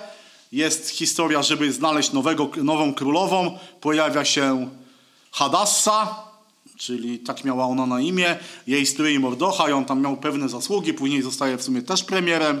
No i znamy tą historię Estery, kiedy ona ratuje, ratuje cały, cały naród żydowski, no bo znowu król wydał głupi rozkaz, tak? Słuchajcie, no królowie mają to do siebie, że głupie rozkazy potrafili wydawać. I tak samo tutaj ten król wydaje głupi rozkaz, że można zamordować wszystkich Żydów. Estera ratuje, ratuje ten naród na, po- na jakby na pamiątkę tego całego wydarzenia. Haman ginie. Haman był potomkiem czyim? Mhm. Czyli potomkiem Amalekitów. Hmm? No właśnie, co się stało? I- mo- Izrael dostał nakaz wytępienia Amalekitów. Nie, nie zrobił tego i zobaczcie, jak długo ma to, kon- miało to konsekwencje. No ale jakby Estera, Estera ratuje tą sytuację. Na, na pamiątkę tego jest obchodzone też teraz y, w- w święto Purim, czyli święto takie bardzo radosne, zwane też świętem losów. No i tutaj y, w trakcie jakby nabożeństw w synagodze, kiedy jest czytana ta historia, to jest taka bardzo fajna rzecz, że kiedy się czyta o Hamanie, no to wszyscy w synagodze mają jedno zadanie. Gwizdać, klaskać, tupać, y, nie wiem, śpiewać, y, kołatać, żeby po prostu nie, nie usłyszeć imienia Haman. No, nie wiem, może kiedyś u nas w zborze tak zrobimy. Ustalimy sobie jakieś. to jest Ciekawe, jakby nam to, nam to wyszło. Kiedy przypada święto Purim w tym roku? Już było, bo było w marcu, w przyszłym roku 26 marca będzie. Więc o tym pamiętajmy. Tu się kończy historia Estery, kobiety, która też później miała jakby duży wpływ na, na życie Persji. Przy kolejnych, pol, kolejny powrót, druga grupa, czyli po 58 latach przerwy wraca do Jerozolimy pewien człowiek, który nazywa się Ezdrasz. Co ciekawe, Ezdrasz był y, wnukiem y, kapłana Hilk, prawnukiem kapłana Hilkiasza, a kapłan Hilkiasz to był kapłan, który Y, kiedy K- Jozjasz był królem i robił reformy, to Hilkiasz był arcykapłanem. No zobaczcie, jego prawnuk po 160 latach, jak to dobrze mieć dobre geny. Ale Ezdrasz wraca, kiedy wraca do, y, do Babilonu, to wiecie, on miał takie zadanie. Ezdrasz bowiem postawił sobie za cel zbadać zakon pański i wprowadzić go w czyn oraz nauczyć w Izraelu jego postanowień i praw. I kiedy Ezdrasz wraca do Jerozolimy, zastaje pewną bardzo przykrą rzecz. To jest drugi powrót. 60 lat już stoi świątynia, można powiedzieć, już zaczyna się sypać, znaczy może nie do końca, ale coś zaczyna się dziać, bo kiedy Ezdrasz wraca, odkrywa jedną rzecz. Ci, którzy byli na miejscu, co zrobili? Zaczęli wiązać się związkami małżeńskimi z kobietami, które należały do y, narodów, które Pan Bóg kazał im wytępić. Nie? Zobaczcie, historia w pewien sposób zakończyła, zatoczyła koło. Kiedy Jozue wchodził do Kanaanu, miał zakaz wiązania się z tymi kobietami. Nie posłuchał go, co było efektem? Odwróciły serce do bogów i, wraca, i wyszli do, poszli do niewoli. Więc Ezdrasz tutaj, można powiedzieć, bardzo szybko reaguje, czyta słowo zakonu i zobowiązuje cały naród, żeby pozbyć się tych kobiet, jakby to dzisiaj wyglądało z punktu etyki i tak dalej. Czapie za włosy i w ogóle. No, tam dosyć, dosyć gwałtownie się y, to odbywa. No, kilku się sprzeciwstawia, no ale jakoś to jest, ale y, jakby generalnie te obce kobiety zostają oddalone. I później mamy kolejną grupę powrotu, Nehemiasz i wiecie jak Ezdrasz przychodzi jako taki zarządca, jeżeli chodzi o służbę duchową, no to Nehemiasz zostaje powołany przez y, króla, on był jego urzędnikiem, on był podczaszym, więc to nie tylko wiązało się, że próbował wszystkie potrawy, czy króla nie chcą otruć, to też jest ciekawe, bo nie wiem, czy pamiętacie tą historię, jak czytamy, że on wyglądał tak źle, że król Macie, Znaczy, ja też na miejscu króla, jeżeli przychodzi do mnie gościu, który próbuje moje jedzenie i wygląda niedobrze, no ale Nehemiasz jakby mówi o co chodzi, że jest z Jerozolimy, miasta, które nie ma murów, to w tamtych czasach było hańbą, więc dostaje pozwolenie pojechania do Jerozolimy, odbudowę murów, można powiedzieć, zostaje namiestnikiem. 13 lat po, po, wy- po przybyciu Ezdrasza przychodzi Nehemiasz, i znamy tą historię, że no wszyscy mu- tam te narody próbują jakoś tam przeciwdziałać temu, więc Nehemiasz mówi, że no budowaliśmy w ten sposób, że w jednej, w jednej ręce kielnia, a w drugiej pała czy miecz. M, Ale w każdym bądź razie w ciągu 52 dni Jerozolima ma mur. Po 142 latach Jerozolima zostaje odbudowana, otoczona murem. Potem znowu jest y, sytuacja, kiedy Ezdrasz i Nehemiasz przez 7 dni czytają zakon. Cały lud słucha i cały lud y, ma objaśniane, objaśniane księgi prawa, co powoduje tym, że naród wyraża skruchę. Jest odnowienie przymierza, potem pojawia się prorok Malachiasz, który ma ostatnie proroctwo odnośnie Bożego ludu i następuje 400 lat ciszy. Oczywiście, tak jak mówiliśmy bodajże na pierwszym naszym spotkaniu, to nie było tak, że Pan Bóg przez te lata nie działał, no bo to wszystko było przygotowane właśnie na przyjście Pana Jezusa, ale teraz mamy 400 lat ciszy, a na naszej szkole przynajmniej miesiąc i za miesiąc brat Daniel będzie się, będzie się dzielił. Ja Wam dziękuję. Wiem, że to było strasznie szybko, chaotycznie i strasznie dużo. No niestety, no wiecie, tak, żeby do tego dobrze podejść, to tak naprawdę byśmy musieli tutaj z rok poświęcić. No mówię, ja mam jeszcze takie, jakby ktoś był bardzo dociekliwy, kogoś to, ja nie, no, wiecie, nie to, że w to wierzę, yy, ale gdyby ktoś yy, był bardziej dociekliwy i to, co ma tutaj, nie wystarczyło mu, no to ja mówię, ja mogę bardzo chętnie udzielić czy wysłać to. Tego jest z 50 stron, chociaż starałem się i tak ograniczać, ale jeżeli chodzi o podzielone królestwo, bo ja sobie zdaję sprawę, że tu mówię, jest groch z kapustą i to tego nie zmieniliśmy. Y, Mam tutaj też taką, y, taką, y, łam- jak to nie wiem nazwać, pomoc naukową, gdzie są y, też y, wymienieni ci po, ko- po kolei królowie, też z miejscami, y, które o nich mówią w Biblii, troszeczkę nawet bogaciej niż tam na tym, no i też jakby z datami według trzech uznanych y, głów. Oni się różnią w tych swoich datach, no ale generalnie jest tego troszeczkę więcej. Jeżeli ktoś chce zgłębić temat, wiecie, pytanie, czy to jest nam w ogóle do czegokolwiek potrzebne, tak? No myślę, że myślę, że z jednej strony no możemy powiedzieć, no nie bardzo, tak? No, s- mamy tam jakieś wydarzenia, ale, ale wiecie, to ciągle pokazuje jakby ten Boży, to co mówiłem na samym początku, że dlaczego warto znać chronologię Starego Testamentu. No właśnie dlatego, że ono pokazuje jakby, ja może przeczytam te trzy wersety, którymi się wtedy dzieliłem. Wielokrotnie i wieloma sposobami przemawiał Bóg dawnymi czasy do ojców przez proroków. Ostatnio okresu tych dni przemówił do nas przez Syna, którego ustanowił dziedzicem wszechrzeczy, przez którego także wszechświat stworzył. Drugi fragment. Całe pismo przez Boga jest natchnione i pożyteczne do nauki, do wykrywania błędów, do poprawy, do wychowywania w sprawiedliwości, aby człowiek Boży był doskonały, do wszelkiego dobrego dzieła przygotowany. I trzeci fragment. Badacie pisma, bo sądzicie, że macie w nich żywot wieczny, a one składają świadectwo o mnie.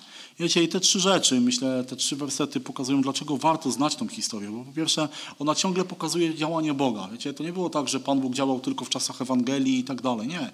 Ten, cały ten okres, od początku, od stworzenia aż do, do objawienia pokazuje Boże, Boże działanie. Tak? I w Starym Testamencie również jest to pokazane właśnie, bo to pokazuje ten rozwój objawienia. Jak Pan Bóg troszczył się najpierw o poszczególnych ludzi, potem o poszczególne narody, potem o, o wszystkich...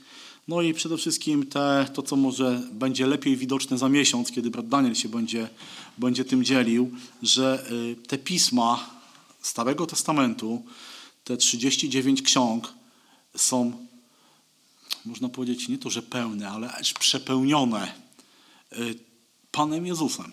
I tak naprawdę wiele, wiele, kiedy czytamy to właśnie ten Stary Testament, no to wiele rzeczy jest takich bardzo naturalnych, które nam przy- przychodzą, typu, prawda, ten e, arka, ten wąż miedziany, pokazują na Pana Jezusa, ale, ale tak naprawdę jest tego, jest tego całe mnóstwo, więc myślę, że dobrze jest jakieś podstawy tego Starego Testamentu znać, też kiedy czytamy księgi prorockie, bo no, pamiętajmy, że Pan Bóg posyłał proroków w odpowiednim momencie, w odpowiednim czasie, więc mam nadzieję, że e, niewiele, ale troszeczkę nam się mówię. No wiecie, do Salomona to jest wszystko pięknie, a potem, potem to już no. Ale myślę, że warto znać takich, takie, takie postaci jak właśnie Hiskiasz e, czy też e, Jozjasz, bo to byli naprawdę ludzie, którzy, których serce było pełne, pełne miłości do Boga i chęci służenia Mu. I myślę, że też mogą stać się dla nas takimi wzorami tego, jak, jak powinniśmy postępować, bo, bo potrzebujemy, wiecie, no wiadomo, że najważniejszy jest Pan Jezus, tak? Ale też y, możemy uczyć się przez ludzi, których, których On używał, których Bóg używał i którzy też no, y, pokazywali swoim życiem, że z Bogiem warto, warto żyć z Bogiem, tak? Niech Was Pan Bóg błogosławi. Spotykamy się, jak Pan Bóg da, za miesiąc na, na zajęciach szkoły biblijnej. Później pewnie będzie przerwa, no bo to Boże Narodzenie, tak? Czyli to dzisiejsze spotkanie było przedostatnim przed świętami.